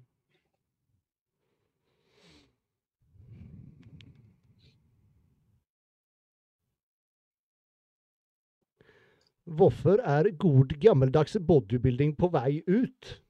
Eller vi kan gjøre om litt på spørsmålet. Hvorfor på en måte Om vi går tilbake 15-20 år i tid, så var det jo mye mer bygging. ikke sant? I dag er det nesten ikke bygging. Hvorfor er det sånn, egentlig? Tenker vi i Norge eller i verden? Ja, det jeg skulle Ja, nå tenker jeg i Norge, i Norge her hjemme, da. Jeg tror det, det- er kommet mye andre klasser, og det er jo det er på en måte lettere å stille i de andre klassene, og det er kanskje mer poppis å se sånn ut nå enn en stor bygger. da. Det krever jo en god del å veie I 15-20 Ja, kilo. til- ja, det, det spiller jo til en viss grad inn. Og så tenker jeg at eh, Norges lovverk på ting og tang absolutt har en stor effekt på, på det her også, fra en del år tilbake i tid. Mm. Det er jo bare å sammenligne når altså, Før og etter 2013. Ja, ja, ja. Ja. ja det er jo vesentlig forskjell. Og så er jo det at det krever selvfølgelig mye mer å være en stor bygger òg. Mm. nå kommer klassisk fysikk, mens fysikk det er mye mer eh, oppnåelig for folk flest. da. Ja. Og Bømsted er jo uten tvil den mest populære byggeren øh, som er. ikke sant? Og det appellerer veldig til de unge som kommer opp. da. Så Mm. Men hadde han vært i Norge, så hadde han vært en tungvektsbygger. Han er jo 108 ja, kilo på scenen eller noe sånt. Så Ja. kilo, så Hvor høy er han? liten. Hvor høy er han? Jeg husker jeg Han det er, han er ganske høy, hva? 1,85 kanskje, eller noe sånt. 1,80. ja, noe sånt. Men her i, her i Norge også så er det sånn man liker ikke ting som ser for unormalt ut. Mm. At jeg har fått så jævla mye dritt opp igjennom. Altså, eh, på grunn av Altså, Janteloven er jo den største loven i Norge. Det har det alltid vært. Ja, men jeg tenker at som en stor bygger så ser folk litt sånn rart på det, på en måte. Og du er liksom abnormal og ulik eh, nordmann, da, for å si det sånn. Mens den kanskje en eh, classic fysikk eller eh, mens mensfysikk eller hva det er for noe. At du på en måte, det er ser jo mer ut som en, sku, altså en muskuløs skuespiller. Og det er mer inn da, på en måte, å se sånn ut. Men også når du var på ditt største Man kan relatere litt mer til det. da. Det er vel der det ligger, tror jeg. Ja, ja, ja. Men fikk Folk du, sånn ut. fikk du mye negativt, Jostein, da når du var Enormt. Enormt. Både som dør, dørvakt og på gata og alt, egentlig. Ja, hva sa På hva måte? Det gikk vel mye på at, uh, doping og sånt, antageligvis. Mm. Og bare det at du ser veldig annerledes ut. Av den tida så var jo janteloven kraftigere enn nå, ikke sant. Mm. Og bare folk ser noe som er veldig ukjent for dem, og Mm. at du har såpass mye muskler at folk på en måte ja, Noen likte å slenge med kjeften, der rett og slett. Mm.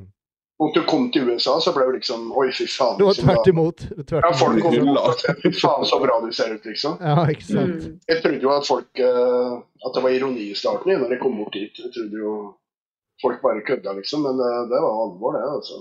De så kun på jobben du har gjort, liksom. Var det for meg akkurat samme. Det var bare drit her og masse negativt. Og så kom du dit, så var det bare sånn her Oh my god, looking Men good! så savner du ennå jenter med muskler i Norge. De får jo så jævlig mye drit på nettet. Det er helt vanvittig. Men jeg tror jo òg Jeg ser jo at det er folk som er sånn her Ja, vi må redde bodybuilding i Norge, og akkurat som at uh, forbundet gjør en dårlig jobb og masse sånn drit. Og det blir jeg sykt provosert over, fordi det er veldig mange faktorer med at vi bor i Norge og at bodybuilding er som det er. Mm. Det er Det eneste måten man kan redde bodybuilding bodybuilding på, det er å stille sjøl. Ikke Ja. sitte der og syte bak en PC-skjerm og så gidder du ikke gjøre noe sjøl. Ja. Det er der det ligger. Det, Med at alle andre skal gjøre ting for deg. det er jo veldig mange veteraner som har vært tilbake nå. Det er jo nesten, nesten kun pluss 50 som har begynt å stille igjen. Mange, da. Mm. Det er Det er faktisk mange som syns det er kult å være tilbake og, og stille igjen. Og så ser vi jo at det er oppblomstring i klassisk fysikk Mm. og classic bodybuilding, og det er jo kjempebra. Og det er jo- Det er jo springbrett til bygging, det òg. Så det er jo, det er jo på vei opp igjen nå, vil jeg si, på mange år. Mm. Men jeg føler mange som snakker om det der og liksom klager og det med bodybuilding og sånn, så tenker jeg bare fy faen, dere tenker jo helt svart-hvitt. Det er så mange faktorer, eh, faktorer som spiller inn med bodybuilding i Norge i dag. Mm. Det er det er jo en grunn til at uh, svære byggere flytter til utlandet. og Det er jo lovverk og Kultur.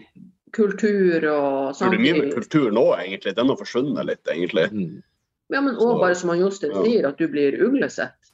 Du blir Mm. liksom sett ned på. Du blir sett ut som en steroidebaia steroidebaja som skal slåss på byen. Mm. Og så kommer du på byen bare med litt større armer og litt blåere, og det er nok. liksom. Så kan du være minst fysikkutøver og få dritt slengt på byen. ikke sant? Ja, sånn, Man sånn skal ikke se, liksom, man skal ikke se godt trent ut i dag. Du Det, skal jo mer- ut. Du skal ikke skille det Nei, du får jo mer refs for å spise sunt og, og, Mm. og være på diett enn å spise junk hver dag. mm. Også du, Bikinijenter som er, veier 50 kg og litt blåere på armene, får slengt at de er fulldopa. og Det er jo helt vanvittig. Ja, ja. Det er så lite kunnskap. liksom. Jeg har også merka det sånn som i starten jeg begynte å slite med kneet mitt. så Det var ene sykehuset jeg var på for å liksom sjekke om jeg kunne få operasjon og sånt. Og det var et par steder jeg ble veldig dårlig mottatt. altså. Mm. Så Kirurgen var sur, og det var liksom Du fikk liksom følelsen av at det her er jo din egen skyld, så Vi kan ikke hjelpe det, liksom. Uh, og sitter og er sur. Mot at hvis du er, liksom, har vært sinnssvakt usunn eller røyka eller drukket som faen, så er det som helst Ja. Mm. Og så tenker jeg at til- tillit til at folk ikke har kunnskap da, som gjør at det, eh, de ikke ser jobben som ligger bak på noen områder, så tipper jeg at i andre områder så er det også misunnelse. Fordi at de ikke sjøl har kustus og driv og pågangsmot og arbeidsmoral til å klare å oppnå noe lignende sjøl, ikke sant. Men kanskje mye der det ligger, det er jo misunnelsen, da. Det er jo Ja, ja. Så er vi ikke innafor nordmannen, ikke sant? så du blir uglesett pga. det. sånn er det Ja, på så du i Norge. Tjener mye penger òg, så blir du uglesett. Ja, Ja, ja. Fin bil, det alt. større hus enn naboen. Ja. Alt. Mm. Nett, nettopp det du sier der, jo, Mathias. Eh, Mm. og just på tal om det i, i statene, da, at der blir du hylla istedenfor. ikke sant? Jeg hadde en eh, Mm. jobbekompis for noen år siden. Han sa det at i statene, om det er noen da som kommer og kjører i en Ferrari f.eks., så tenker folk at å, fy faen, den har han jobbet hardt for. Han har virkelig oppnådd noe. Mens her i Norge så tenker man liksom bare Hvem faen er den jævla kødden der? Hvem faen tror han han at han er? Hvor mye, hvor mye drugs er han solgt, liksom? Ja, ja, ja, ja ikke sant? I Norge det- så kan du få dritt slengt etter deg for å kjøre en fuckings Tesla. Ja, Ja, ja. du, gjør- det, det, det gjør man jo. helt sjukt. Ja, det, de har fått virkelig høre det, de Tesla-folka. Altså. Det- Også det, jeg kjenner jo også mange som har holdt på med crossbygging, som har opplevd det du har opplevd, Jostein. At du kommer til legen med et problem eller noe. Det er nesten bare du er forkjøla, så blir du faen meg eh, Du får bare halsegodt fordi at du holder på med kroppsbygging. Altså, det til og med jeg, som jeg ser ut i dag, har fått tilslengt noen kommentarer når jeg måtte gå til en vikarlege istedenfor min egen fastlege. Så det er liksom hele kulturen i Norge med bodybuilding er jo ekstremt vanskelig. Mm. Mm. Ja, det er sant. Det er sant. Men det meg helt faktisk, jeg, var jo, jeg var jo i Sør-Dakota nå i sommer, og der, der opplevde jeg å få eh, forslengt et par sure kommentarer etter meg av en dame, faktisk. Og det, det har aldri vært borti der. der Hva sa hun? Det Om hva da? Jeg husker ikke akkurat hva han sa, men uh, det var vel et eller annet med at Osland står videre eller et eller annet, eller sa noe høyt i de andre, eller Yes. uh, Nå er jo Jeg føler jo nesten ikke ser ut som jeg har trent nå, men uh, Tydeligvis. Du får, ta, du får ta det som en kompliment. Du får ta det som en Synet tydeligvis kompliment. likevel. Men jeg, jeg skjønner liksom ikke hva er vitsen, på en måte. Jeg bare jeg gikk forbi, vi var ute og kjørte motorsykkel, liksom. Du kommer med MC-klær, og så og så går du forbi noen, så er det liksom noen som skal slenge med kjeften. Altså, hvorfor gjør du det, liksom? Mm. Altså, jeg, man kunne jo gått og slengt på kjeften til halvparten av folka der, på en måte, om folk er tjukke eller ser rare ut, eller Mm. mm. Hvem er det som gjør det, liksom? Hvem er det som Mm. Og så Det blir er jeg folk som ikke er kobla helt riktig. Ja, så blir jeg folk provosert. Ja, men så blir jeg provosert Ja. fordi liksom, hvis du bare holder på med annen idrett Marit Bjørgen, som ser ut som en kvinnelig kroppsbygger, hun er sånn dritfet, hun er kul og hun langrenn, men hadde det vært meg fordi jeg holdt på med bodybuilding, Mm. da hadde jeg bare fått masse dritt slengt etter meg. Det er Det hadde vært helt er jævlig. jævlig da. det har ikke vært bare bare for eh, Marit Bjørgen heller. Nei, nei, selvfølgelig. Hun, hun Men, fikk beskjed om styret i forbundet å kle på seg ja, ja, jeg for at hun hadde for mye muskler. Så Men liksom, som, som kroppsbygger så er du enda verre. Det er jo det du hører hele tida. Mm. hvis du har gått ut med ski på henne, så har hun sikkert vært ålreit. Det har vært godkjent. Ja, da, Men det er- da er det er- mer godkjent i hvert fall. Ja, det er det som er at det er mer godkjent. Hvis det er en sånn typisk norsk idrett, du ser jævlig rå ut og trent ut, da er det greit. Men holder vi på med kroppsbygging, så er det ikke greit. Jeg skjønner jo at folk Det krever sjukt mye jobb. Og i Norge i dag så får du ikke sponsorer, ingenting. Det kan ikke være en heltidsjobb, ingenting. Verden er veldig annerledes enn for 20 år siden. Mm. Og folk som er dedikert i det her, som vi driver med i Norge, vi, vi lever jo på mange måter som toppidrettsutøvere, og det er det folk ikke ser. ikke sant? Disiplinen, all maten, all treninga, all, altså hvordan vi har det da gjennom hverdagen. Altså, det er jo som en toppidrettsutøver, men vi får ikke anerkjennelsen som en toppidrettsutøver. er Og at vi må dekke alt sjøl. I tillegg, ja. Så, og det er en sport som suger penger da, på mange måter, så Mm. Det er i hvert fall veldig mange faktorer som gjør det. Det er ikke liksom bare Forbundet gjør en dårlig jobb, derfor er det ikke bodybuilding. Det er jo sånne ting å høre. Nei. Det så svart-hvitt. Det er gamle suringene. Det er stemmer rett. Jeg tror at folk liker å ha noe å skylde på, sikkert. Mm. ja. Aldri deres egen feil, vet du. Skal vi se. Vi tar, eh, vi tar to spørsmål til, og så gir vi oss.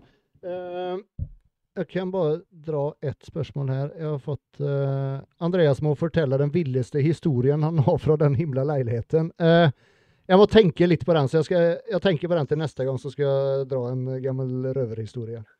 Er Eh, så lenge så tar vi hvem, hvem av dere er neste ut i konkurranse?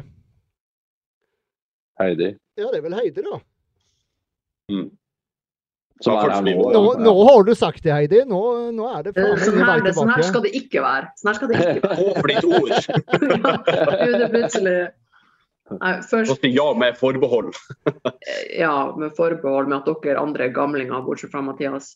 Jeg har blitt Det var- 30, jeg begynner gammel da òg. For å si det sånn, det er i hvert fall ikke Jostein eller meg. Så er Flisa alltid et wildcard. Da. Han er sånn som åtte uker Ja, men før han- Ja, han- han er ut. Flisa er jo Ja, neste ja. ut, for faen. Han skal jo stille neste uke. Ja, Du vet at vi, vi, vi pratet om uh, Patrick uh, Alexander, han pratet om at skal kanskje bli med i slutten av måneden eh, i, i Sverige. Eh, jeg tror det er, er det 20. november, eller? Hva er Ja, det da? Svefit. Open. Ja, det. ja, det var det, ja. Og så eh, nevnte jeg det her, for jeg ble jo glad da, for at synes han ikke ble med i VM og sånt, og han har jo jævla kult potensial og sånt, så jeg ble veldig glad. Og så uh, nevnte jeg det for, eh, for Marius, da. Ja, ja, faen, kanskje vi skal bli med og stille han nå, liksom. Vi bare, du, nå Å, må du, nå må du snart ta en pause, altså. Hun begynner å. Herregud, altså. Ja, det reiset han har kjørt. Hvor mange konkurranser har han vært med på nå? Fire eller fem? Fem? Seks? Ja, det, det har blitt en del, altså. Ja, det er mange. Ja, helvete. Men ikke bare det, men han har jo utøvere i tillegg, da, ikke sant, som han lot oss styre med. Han, eh, Nettopp. Da, en lang periode så kunne jeg, jeg kunne ikke nette at han var på diett engang. Nå begynner jeg å mestre litt, at han litt mer svart i solen, men eh, det kunne Ja. egentlig bare mangle, da. Jeg merker, jeg merker det, jeg også. Ja, du har mestra det? Ja. Han er, han er mye kortere på meldinger enn han pleier, pleier å være. ja, jeg sa det, jeg sa det til en, eh, jeg sa det til en, for da har jeg fått lov å hjelpe litt med diett, sånn, så sa jeg at nå, nå begynner det å ligne på seg, for nå begynner det endelig å bli dieting her. Nå begynner det å komme innenfor normalen. Ja, ikke sant. Uh, All right. Siste spørsmål for i dag. Ville du heller hatt en pauseknapp i livet ditt eller en tilbakeknapp? Tilbake. Ja. Ja, uten tvil. ja. Han har jo sett på alderen min, så er det ikke noe å lure på. Da har jeg sett.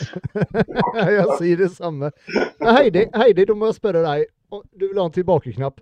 Hva er det spesifikt du ville endret på? Eller er det det, er det noe spesifikt du ville endret på? Ja, sjukt mye. Herregud. Herregud. Nei, men altså, det det største tapet for meg er jo liksom når jeg flytta til USA og gjorde det dritbra og var kvalifisert jo, for da før var det jo sånn nationals hvor du kjempa pro card, det var annerledes enn i dag. Mm. Var kvalifisert for det og liksom dommerne der vet du vet hvem jeg var og liksom, jeg, bare, jeg skulle bare ikke ha haika, Gå på den der jævla fjellturen i Malibu hvor jeg har fått den der flåtten og altså liksom, Jeg ser bare liksom jeg var liksom så sykt nært alt jeg kjempa for i mange år, og så bare bam, mista jeg alt. Bare det å ha denne tida i USA og ikke blitt syk det hadde vært jeg så, Av og til så lurer jeg så sjukt mye på hvor jeg hadde vært i dag, hvordan hadde livet mitt vært. Mm. For som jeg har sagt før, de tingene jeg tenkte å gjøre i 2009 Jeg hadde jo online-coaching i 2009, hva faen som hadde det? Altså alle de tingene jeg tenkte på å gjøre den tida som folk gjør i dag. Fy faen, det hadde vært så sjukt kult hvis alt For jeg ser jo at nordmenn gjør det i dag. Det tenkte jeg på i 2009-2010, liksom. Mm. Det er bare hele den derre Hvis jeg ikke hadde blitt syk, da. Gått tilbake til den tida og liksom virkelig fått gjort det jeg hadde planlagt. Unngått den saken. Fy faen. Det hadde vært ja, det hadde vært sjukt artig å bare fått sånn lite glimt, liksom sett hvordan det egentlig hadde vært. Den, den ser jeg. Roger, har du noe sånn spesifikt? Er kanskje de altså Hvis jeg kunne spurt tilbake, så måtte det vært hvis jeg kunne dratt meg kunnskapen jeg har i dag. da. Sånn at jeg kunne ha tatt noen eh, valg eh, følte det her med hvordan jeg har belasta kroppen opp igjennom. At jeg har vært en apekatt og bajas og skulle være med på alt som skjedde, istedenfor å liksom, prøve å sette et spor og gjøre én ting ordentlig, liksom. Og så kanskje gjort meg ferdig med noe utdanning av sånn litt tidligere. jeg sitter jo fortsatt med den utdanninga sånn, så det er liksom Kanskje, kanskje noen, noen, sånne ting, men utover det så har jeg ikke noe angrer i livet mitt. egentlig. Jeg, det, det, jeg har gjort og det jeg har vært igjennom, det har formet meg til den mannen jeg er i dag, med den kunnskapen jeg har i dag. Så det, det lever jeg godt med. Sant. Jostein, noe du eh... Sånn eh, Karrieremessig så angrer jeg ikke på noe som helst. egentlig. Jeg føler at jeg har fått gjort det meste ut av den fysikken jeg har fått ut. Så jeg har vel 25-30 år som har gjort akkurat som jeg planlagt hver videre dag. på en måte. Så der hadde ikke noe Det er jo kanskje mer sånn andre ting i livet som vi skal endre på, men det, det skal jeg ikke komme inn på her. Det er et par-tre ting som skal ha ulikt i livet mitt. Ja, det tror, det tror, jeg vi alle har, egentlig. jeg tror jeg har flere, jeg, jeg har flere enn det. Jeg fantes ikke på den her Mathias, noe spesielt hos deg? Jeg trenger vel ikke å spole lenger tilbake enn til februar og ta en rest day. Det ble beinøkt. ja. Utenom det så har jeg ikke så mye Eller jeg har ganske mye sånn teit anger, men det er, sånn, den bare artig. Men den, den, dagen der kunne jeg ha droppa blitt hjemme, jobba overtid isteden. ja. Mm. Det, er lett å være etterklok. En, en, ting som jeg angrer på i Dels som Roger sier, at man, at man hadde litt mer av den kunnskapen man har i dag, så hadde man kanskje ikke gjort så jævla mye dumt på trening. Men sen, sen også så angrer jeg noe jævlig på at For jeg jeg tok jo aldri noen utdanning. Jeg begynte å jobbe direkte til 9. klasse. Og det, det, er mange ganger jeg angrer. Jeg angrer ikke, jeg har liksom klart meg bra, men det er noen ganger som jeg ønsker at jeg hadde en skikkelig utdannelse i, i grunn, liksom. Du angrer ikke på den annonsen du reagerte på, den hotellturen du hadde? Nei, men jeg tenker det er en livserfaring. Jo, det, ja, det skulle jeg forresten Det var en ting jeg tenkte jeg skulle ta og spørre. Eh, det er jævla mye snakk på Fouad sin pod om eh, angående hva som gjør at man er gay eller ikke.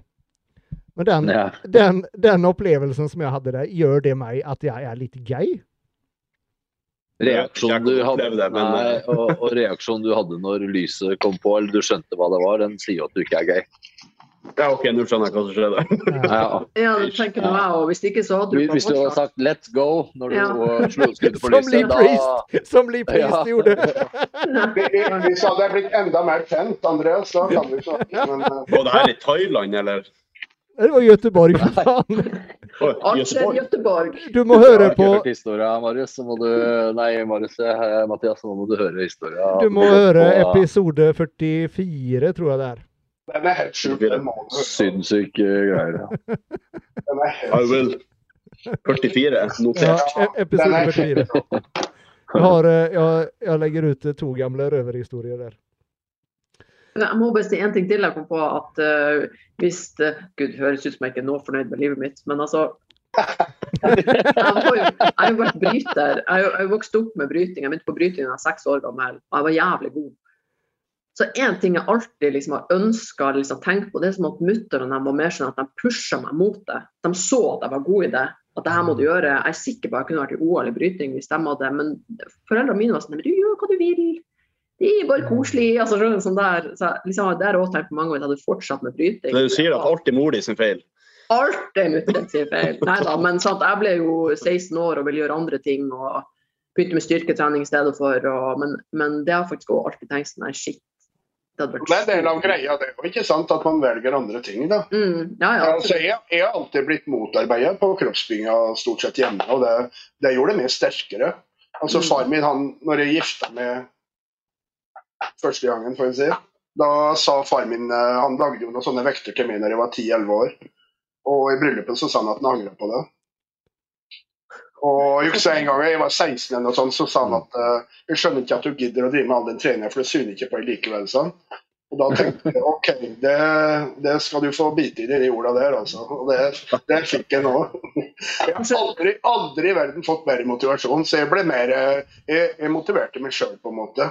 Mm. Kanskje det mutter'n skulle sagt Fy faen, du er dårlig å bryte. Du burde bare slutte. Da, Ja, da, altså, da, da, da, da skjer det en av to ting. ja, da. Ja, Enten så gir du det, eller så får du et skikkelig spark i ræva og skal bevise. Det kan være den verdens beste motivasjonen, det. altså. Mm. Ja, akkurat det. Mm. Sant.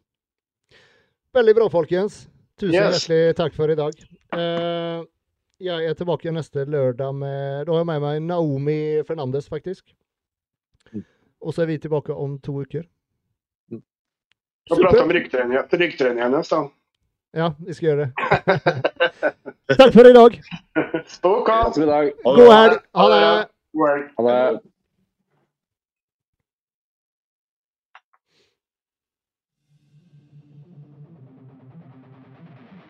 The Shock Factor er et nyoppstartet norsk treningsklesmerke. Nå har de nettopp utvidet sin populære performance-kolleksjon, som du kan bestille på shockfactor.com. Husk da å bruke kode GYMBROS for 10% avslag på prisen. Performance-kolleksjonen har både dame- og herretøy, og i utvidelsen får du bl.a. T-skjorten i en forbedret utgave med enda flere stilige farger. Stringer, caps samt en restock av sportsshortsen, som er sykt digg å kjøre tung bøy i. Så om du er ute etter treningstøy med kvalitet rett igjennom, som er deilig å ha på seg, og som sitter som det skal, så bør du ta en tur innom theshockfactor.com, der du kan bruke kode GYMBROS for 10% avslag på prisen.